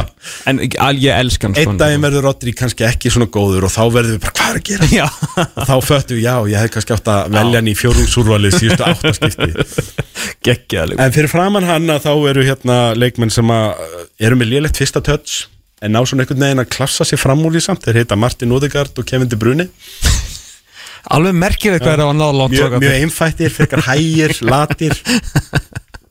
Ekki mikla yfir sín en þeir álpast einhvern veginn Pældu í þeir væru í sama fótboltaliðinu. Þú getur bara hætt. Það er alveg sama hvort þú settur Odegaard yfir í City eða De Bruyne yfir í Arsenal. Þá væri þetta ekki Game over. Þessum er þetta mikilvægastu leikmennir í báðum liðum. Að því að, að þú þólir að missa meira sér Holland þú þólir að missa allar út. Mhm. ég meina City hafa verið að vinna hennan titil án Holland en ef þú missir Odegaard út þá er þetta búspil hjá Arsenal. Ef þú missir De Bruyne út hjá City þá held ég að þeir náðum ekki ekki án hans. Mhm. þannig að þetta eru bara Þetta er frekar trillt með þessu með. Þetta er okkur niða Já. Og líka on form, eða in form með það ég er nokkuð sem hún geti yfirspila Liverpool miðina þessi miða uh, Já, Já. Já, þó, svo, þó svo að við værum með hérna Curtis Jones. Curtis Jones. Frammi, sko, hérna ég ætla að tala aðeins öllítið um hæri kantmannin því að, þetta er mér þungbært. Ok. Ég hef nýtt skóna af ákveðnum leikmanni hérna síðustu tvö ár sem ég hef oft sagt við ykkur og sé sá leikmann sem ég hata mest í þessari deild að því að það er engin jafn mikil vombriða pjessi í þessari deild eins og mikil Almirón ég bara alltaf þegar ég horfða á hann þá er ég bara með ofnæmi fyrir hann, hann getur ekkert í fótbolta og hann er bara waste of space og hann pyrra mig og hann særir blíðunum að gent mína, hann skulle vera þetta ég bara, ég gati hann gaur ekki. En það kemur enn og aftur á daginn það er hægt að þjálfa menn. Merkilegt. Smá sjálfströst, smá trú. Og hér sitt ég í loki janúar 2023 og er að halda Bukai og Saka fyrir utan þetta lið til þess að koma Mikael Almirón að að því að hann áða bara skil. Ég ætla að gefa þér kredit, þetta er líka ekki recency bias, skilur, af því að að aðeins loknaði mikið. Það er aðeins slóknáðum en hann er samt góð- Saka var að skora bara í stórleikum helgina, fjórðungi til að vera inni sko. hann er með þess að 8 mörk í síðustu 13 Jesus Christ. Eftir að hafa skora 1 mark í fyrstu 7 Og- en þá náttúrulega eftir að koma í ljós hvort þetta hafi verið bara góðu fjórðungur hjá honum og hvort að hann detta aftur í að vera gamli góði Mikael Almirón Já, já, já, já eða hvort að þetta komið til að vera en, en En mörkunum mun fækka með komu St. Maximan því Já, að lí- þeir fara meira þar líka það að nú fara menn að passa sig meira á honum Já. hann náttúrulega kom svolítið out of nowhere það var engin eitthvað, þú veist, Conte og, og, og Gert Jóla, þeir voru ekkert eitthvað að miðguti herðu, við þurfum að plana Nei, nei, hérna nei, mikið nei. almirun En ég, ég ránaði með þetta, við Atlanta United menn við kunum að með þetta þú getur svo sem nánast gíska með mér á hverjir hínu tveir eru í liðinu. Þeir heita Markus Rashford og Erling Braut Holland Hvernig var fjórðungurinn Hollanda? Því að hann dyrðist ekki að skora hann í þremur leikjum Holland er búin að vera sko, hann er búin að vera frekar hljóður með hvernig hann byrjaði fyrsta fjórung uh, hann er með bara eina af sínum þrennum í vetur í þessum fjórungi og áttamörk í síðustu átta. Ítla lillur en þetta er alltaf gauð sem búin að skora 25 í 19 leikjum. Þannig að þú sér það sko ef við drögum átta frá Já. áðum að þá sér það að hann skoraði 17 17 mörk í 11 fyrstu leikjum sínum. Uh, og þess vegna finnst okkur hann hafa verið rólegur. Hann er samt með átta í síðustu átta. Og, er, og hérna, þú veist, en, en hann er að skora tvennu og þrennu, þannig að hann er bara að skora í helmingdum af þessum leikjum, Já. en hann er bara, þú veist, þú, þú, mér er hengt öfum út hérna, Já, ég eftir þennan þannig, sko. setti Holland ekki inn, sko, og alveg sama hvað Mitrovic og, og, og Harry Kane er að standa sig vel að setja Já. hann og Ivan Tóni og svona Marcus Rashford líka verið alveg, alveg Marcus frábær Rashford er með 6 í nýjustu 6 í síðustu nýju eftir að hafa bara skorað þrjú mörk í fyrstu ellu og hann, það gerðist eins og ég segi eitthvað þarna sent í november sem var til þess að Marcus Rashford rauk í gang og hefur bara lítið út eins og nýr maður og Bruno Fernandes líka og ég, ég skil bara ekki hvað gerðist hjá Manchester United sem var til þess að þessi tveir leikmenn stigu allt í hennu upp aftur og svo herri, já við erum letóðnir og við finnum fjölina og þetta spil fyrir gegnum okkur núna og Held að Erik Ten Hag hafi haft ímislegt um þetta að segja. Það var eitthvað sem gerist þarna. Er það er eins og það hafi einhver opna, opna glugga og bara loftað út í klefanum skilur, það er ekki lengur prumpufíla í klefan Pirraðir eru Rodri, Saka Botman, Mitrovic. Mitrovic. Af öllum þessum þá myndi ég helst ekki vilja þurfa að útskýra þetta fyrir Mitrovic í einn personu Nei, saman á því. Í, hérna dimmu gluggalösa herbyggi, nei takk. Ég hérna sendur hann e-mail bara og byggða hann afsökunar ás Já, svona ef, að- ef, að- ef að það væri ekki ef að það væri ekki svindkall í þessari deild þá mætti Mitrovic alveg vera aðna sko. En, en Holland er náttúrulega Hann er bara alltaf ertu með ákveður að vera ekki. Heru, besti þjálfarin er náttúrulega maðurinn sem fyrir 50 stig á miðutjömbli og það er mikil allt þetta Obviously. Og um, Yfir maður knæspöldumóla fjóðansins Edu. Já, bestur er, er, er Martin Odegaard. Ég að gefa honum það. Bara það er unun að horfa á hann spila. Já, Djú- bara djöfull er þetta gaman með hann strák sem að við heldum að væri næsti Freddy Adu. Skilur það bara allt þetta hæp þegar hann var 13 ára. Allir að reyna að fá hann fór til real hvarf. Pældu í að ros, út úr þessum þetta er rosa svona spes vegferð. Lán hjá að lán hjá Sociedad. Að láni var það sem að komunum í gang. Kom honum í hann fann gang. einhvern veginn fjölna það. Hann var eitthvað hjá En Vitesse sko Það er eins og Real hafi verið litar að því hvernig hann var sem unglingur Mhm. bara svona hjá þeim á eiginlega allt og góðum samningi fyrir táninga því hann var ekkert að góður. Nei, nei. Og, þeir voru bara ný, við erum samt ekki að fara að gera þessum gæja neitt greiða eða þú veist, gefa hún sjens en, en ég get alveg ímynda mér að Real horfa á hann spila fótbolta núna og hugsa með sér mm, þarna gáðu kannski frá okkur næsta Modric. Og Modric er ekkert að yngjast. Já, að máli sjá eftir því. Algjörlega. Vombriðin, uh, þar erum við svo með tvo menn sem ætla að deila þessu saman. Nú. aðalega því ég myndi ekki hvort að ég var hérna rétt áður eða rétt eftir að, að Steven Gerrard var reikinn síðast. Spilaður jafnvel saman í ennska landsliðinu og, og tóku Chelsea á það, fundu aldrei út hvernig átt að spila þeim saman. Hérna, það, eru, það eru Steven Gerrard og Frank Lampard. Það, er kannski komið tími til að ennskir endurskoði það hvort að það þarf að allavega að sitja flýti meðferð á ofurhetjurnar sínar þegar það er hægt að spila fótbolta og þykjast að fara að ætla að byrja að þjálfa. Já. Það er kannski óþarfi að sitja flýti meðferð á bindin í stóru stjórastöðunar í Englandi. Þetta leiti ekkert eitthvað svakalega vel út fyrir þessa típur af þjálfurum. Lampart fer, innkemur maður sem að hætti snemma uh, bjóð svona sitt til eigið eigið identity í Tómasi Tukkel skiluru og, og kemur inn og alltaf vinnur Champions League og tap fær á sig þú veist sex mörk í fyrstu 7000 leikjunum eða eitthvað. með liða hans Lampard. E- Emmitt, síðan hjá hérna, sama með Gerrard, inn kemur með bara spænskur þjálfari sem er að verið svona nokkuð lengi, löngu komið identity, veit hvað hann vil gera miklu fljótara skilgrina hópin og liðin alltaf bara topp fjórir í stegasöfnu eftir að hann mætti sko. Hann Já, sko, og horfður á Lampard hann tók við derbi í sjötta sæti og hann skilaði massir í sjötta sæti og hann tók við Chelsea ef ég mann rétt í, í áttunda sæti og skilaði massir í áttunda sæti. Og hann tók við Everton í fallsæti og skilaði í fallsæti. Það er svona, þannig að svona þú veist stóra höggi fyrir hans orðspor er það að hann er formlega ekki, ekki nú sér drukkin sko. Já. að þá er hann formlega ekki lengur þjálfari sem þú hugsaður um, heyrðu við viljum bæta stöðu okkar í deildinni sækjum Frank Lampard. Það, þú þetta að vera bara á einhverju meira og sterkara heldur en áfengi til þess að, að halda það eftir þetta. Og hjá Gerrard það sem er síðan kannski svona mesta höggi fyrir hann og hans orðspor er bara hvernig leikmennir hafa talað um léttin í andrumsloftinu og annað eftir að hann fór. Já. hann var hann í rúmt ár og það var bara eins og menn hafi bara verið með bara leiðilegasta gaur í heimi á æfingasvæðinu eitthvað. Og það ekkert að því rýmar við þá útgáfa Steven Gerrard sem við þekkjum og höfum þekkt í gegnum tíðina við vitum alveg að þú veist, hann gerir kröfur og hann, hann er stór á sæðinu og allt það sko en að hann hafi bara hreinlega verið þú veist, þrúandi og, og jafnvel bara leiðilegur og jafnvel bara hérna vondur við leikmenni að, þú veist, og, og gefum silent treatment og allt þetta sem að maður held að superfyrirliðin Steven Mhm. Gerrard hefði ekki gert í gegnum tíðina virðist hafa verið til staðar hérna með hvernig þeir töluðu margir, það opnuðust margir kjaftar í svona fyrstu þremu vikunum eftir að Gerrard fóra, þetta var nú bara allt annað. Emery brósi fram hann og spyr hvernig konan hafi það og svona. Ég held sko, ég er með algjörlega órannsaka tilgáttu um þetta sko því að allir sem að fylgdist með reynsins það er alltaf margir sem fóru strax að fylgjast með honum bara vitandi að þetta væri næsti stjóri Liverpool og þeir ætlu nú að heldur betur að vita allt þegar hann myndi koma ánga að taktíklega séð er hann mjög veikur. Hann var bara með eina taktík, fjóri, þrýr, tveir, einn í raun og veru svona semi og hún kom að sögn öll frá aðstofamannunum hans hann fór svo mjög snemma í aðstofamilla starfinu yfir í eitthvað stjórastarf sjálfur. Uh, Eða ekki, ég maður ekki hann var þannig að Úlfarni vildi fá hann þá sko. var þetta bara einhvern veginn allt í norður rosalega þund taktíspælin En það sem var sagt sko við hann einmitt, hérna, um hann var að það var hérna, það var ekkit svakalega svaka megataktík en það þurfti hann ekkit á því að halda hann var náttúrulega bara, bara í Skotlandi og náttúrulega vissulega gerir frábælega á rústarumdeldinni þú þurftir að vera betur en Se- Celtic það er betra Celtic en En hérna það er ekki alveg þannig í Englandi. Það sem var sagt um hann aftur á móti var að hann kom hann inn og bara lifti upp á aðra plan bara upp og svona Já, kannski gerði hann það bara með því að vera Steven Gerrard Já, nei, það, er það er sér að segja Þannig ég, bara, ég, þetta er bara svona með dettur í hug að þegar að það er hérna þegar að vera að fara að slá aðeins í harbakkan hérna hjá hann hjá Aston Villa að þá var hann ekki bara með reynslu eða taktík eða pælingar til þess að skópla sig út úr þessu.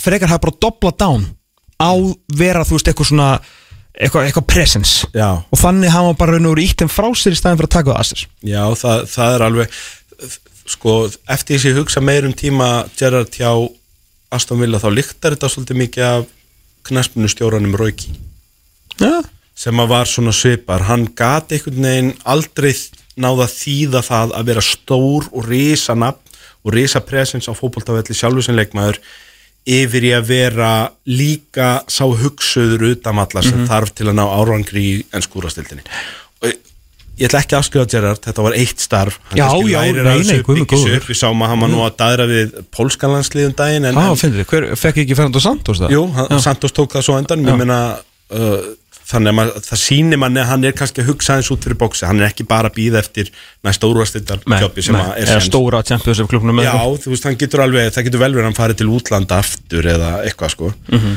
hérna, þannig ég ætla ekki að afskrifa ég ætla svo sem ekki að afskrifa Lampard heldur, en mér finnst verra að Lampard er núna búin að fá þrjár tilunir og hérna og, og, og það svona virðist einhvern veginn eldan að nú eru menn að tala um eftir að hann var reikin í vikunni hjá Evertón að þá eru komin út svona hérna blaðamennur með heimildamenninan annara félaga. Hann fór í tvö starfsviðtöl ef maður rétt á milli þess að hann var að þjálfa hjá Chelsea og Evertón og í bæði skiptin sikva klúburinn voru hissa á því að hann var sá kandidat sem við töluðu við sem var langverst undirbúin fyrir starfið Talandum, talandum stjóra að- hérna, að ég veit ekki hvort að Lampard sé endilega að bara hreinlega með huga farið í þetta að fara að ná, þessu sko. Nei, kannski fer bara í TV núna eða eitthvað eða fer bara að slaka á hann og ekkert eðlega mikið af penningum Herru rétt í lokin uh, Marcelo Bielsa tók pappa minna á þetta þá vil ég menna að hann náttúrulega hann dílar ekki við neitt í tölupústi Já. alls ekki ykkur netspjöll Nei, nei. helst ef hann getur sleppti að ringa gera hann, hann vil fara á staðinn og tala við uh, þjónustu fulltrúan og það var að sama Bielsa gerði. Í staði fyrir að segja bara no í síman þá flög hann allavega til Lunduna til þess eins að segja við Evertón no. No. Her, og, Þetta er gamli skólinn. Sko. Gárum hvernig voru að segja hann hefði bara langað til að fara einu sinni enn í Tesco? En það er þetta sem frí og flugfæri hann er kannski verið búin að sjá eitthvað svona herðu, það er hérna straujáttn á, á helmingsafslætti í London. Og nú er Evertón að fara úr manninum sem að bjóð til Pekkardjóla í Sean Dice Já. Það sýnir líka hvar, við hefum náttúrulega ekki drætt um Evertonina Nei, nei. en það sýnir hvar Everton eru stattir á þessum tímapunkti, þeir eru að reka Frank Lampard, þeir eru aftur í fallseti og þessi klúbur er við það að þurfa að fara að setja nýja völlin sína pásu út af fjárskorti. Uh, Mosiri er búin að setja klúbin á sölu þeir eru ekki að kaupa leikmenn það, það stemdur ekki steitni við steini og þeir eru að skoða Marcelo Bielsa og Sean Dyche og ólíkari leikmenn nei þeir eru, þeir eru alveg 0 og 0 sko sikkur megin á X og Y ástum Þetta er bara Bangladesh og Babylon. Og, þetta er sýnir það bara milli, sko. að, að það er alveg sama hvort þeirra hefði verið ráðin bara það að hinn var skoðaður gefur manni ekkert sjálfströst að ráða bjelsa þegar þeir voru líka spá í dæs þá segir manni það því eru samt ekkert eitthvað að skuldbindi ykkur til þess að fara að spila bjelsa bolta og sækja leikmennina fyrir hann. Og það sama með dæs að það þið hafi verið að skoða bjelsa segir manni ekkert endilega að þeir ætla að fara í dæsbolta þeir eru að leita sér að plástri. Þetta, klúb, þetta félag er núna formlega eins og mörg önnur í, í deildinni í sölufelli og þeir vilja bara ekki falla. Getur þú bara please hjálpa okkur að falla ekki sjóndæs og þá færðu miljón pundin í bónus eða eitthvað í vor og svo ætlar nýr eigandi að skipulegja þetta í sumar. Þetta er ekkert falleg staða fyrir sjóndæs að koma inn og ég ég skil hann alveg kannski að taka áskoruninni að því að þetta er klubbur, þetta er leikmannhópur sem á ekki að vera í to- bottom 3 sko, en hann á alveg klálega að vera í neðri hluta deildarinnar, þannig að hann getur alveg svona komið um upp úr fallsætunum og sagt, sjá hvað ég gerði og bætti við á fyrirskana, en ef þetta fyrir illa þá er þetta, og það er alveg blikur á lofti, þetta getur farið mjög illa sko. A- Algjörlega, ég hérna Þetta er náttúrulega maður sem er fallið tvís á rústildinni það er ekkert eitthvað eins og hann sé eitthvað trygging gegn því að Nei, falli, nei. sko. þá eru svo samanlega þess Ég var, uh, ég var alltaf skráð sem mesti bjálsamæður á landinu. Ég held ég að mist þann titil til uh, Móna Péturssonar En það verður bara að vera eins og það er. Uh, En þetta var, sérst, þetta er rétt hjá að gera þetta í byli En ég myndi reyna aftur síðan við Bielsa í sumar Ef það er möguleikið því við viljum hafa hann í premi Lík með en, saman hjá byli en bara þú ert tilbúin að fara þá alla leið alla leið, alla leið ekkert sko, er bara virka bjelsa Herru, við erum uh, búinir með uh, tíman búið að safna sér um nóg af auðlýsingum fyrir að hérna, borga brúsanandi eftir augna blik, fórum yfir fjórðasöpgjör nummer 2 með okkar manni Kristjáni Alla Ragnarsinni Ég held að ég og Elvar verðum hér báðir saman. Kristján, þakka kjallaði fyrir komuna Ríkala gaman að fá þig. Takk fyrir mig, Eh, ég a- heilsa Elvar Já, ég hérna, vona að hans ég bara leikur hans er að fara að stað bara hérna, eftir klukkutíma eða svo. En við verðum hérna báðir held ég alveg öruglega eftir 6 og 22 tíma. Þangað til verið sæl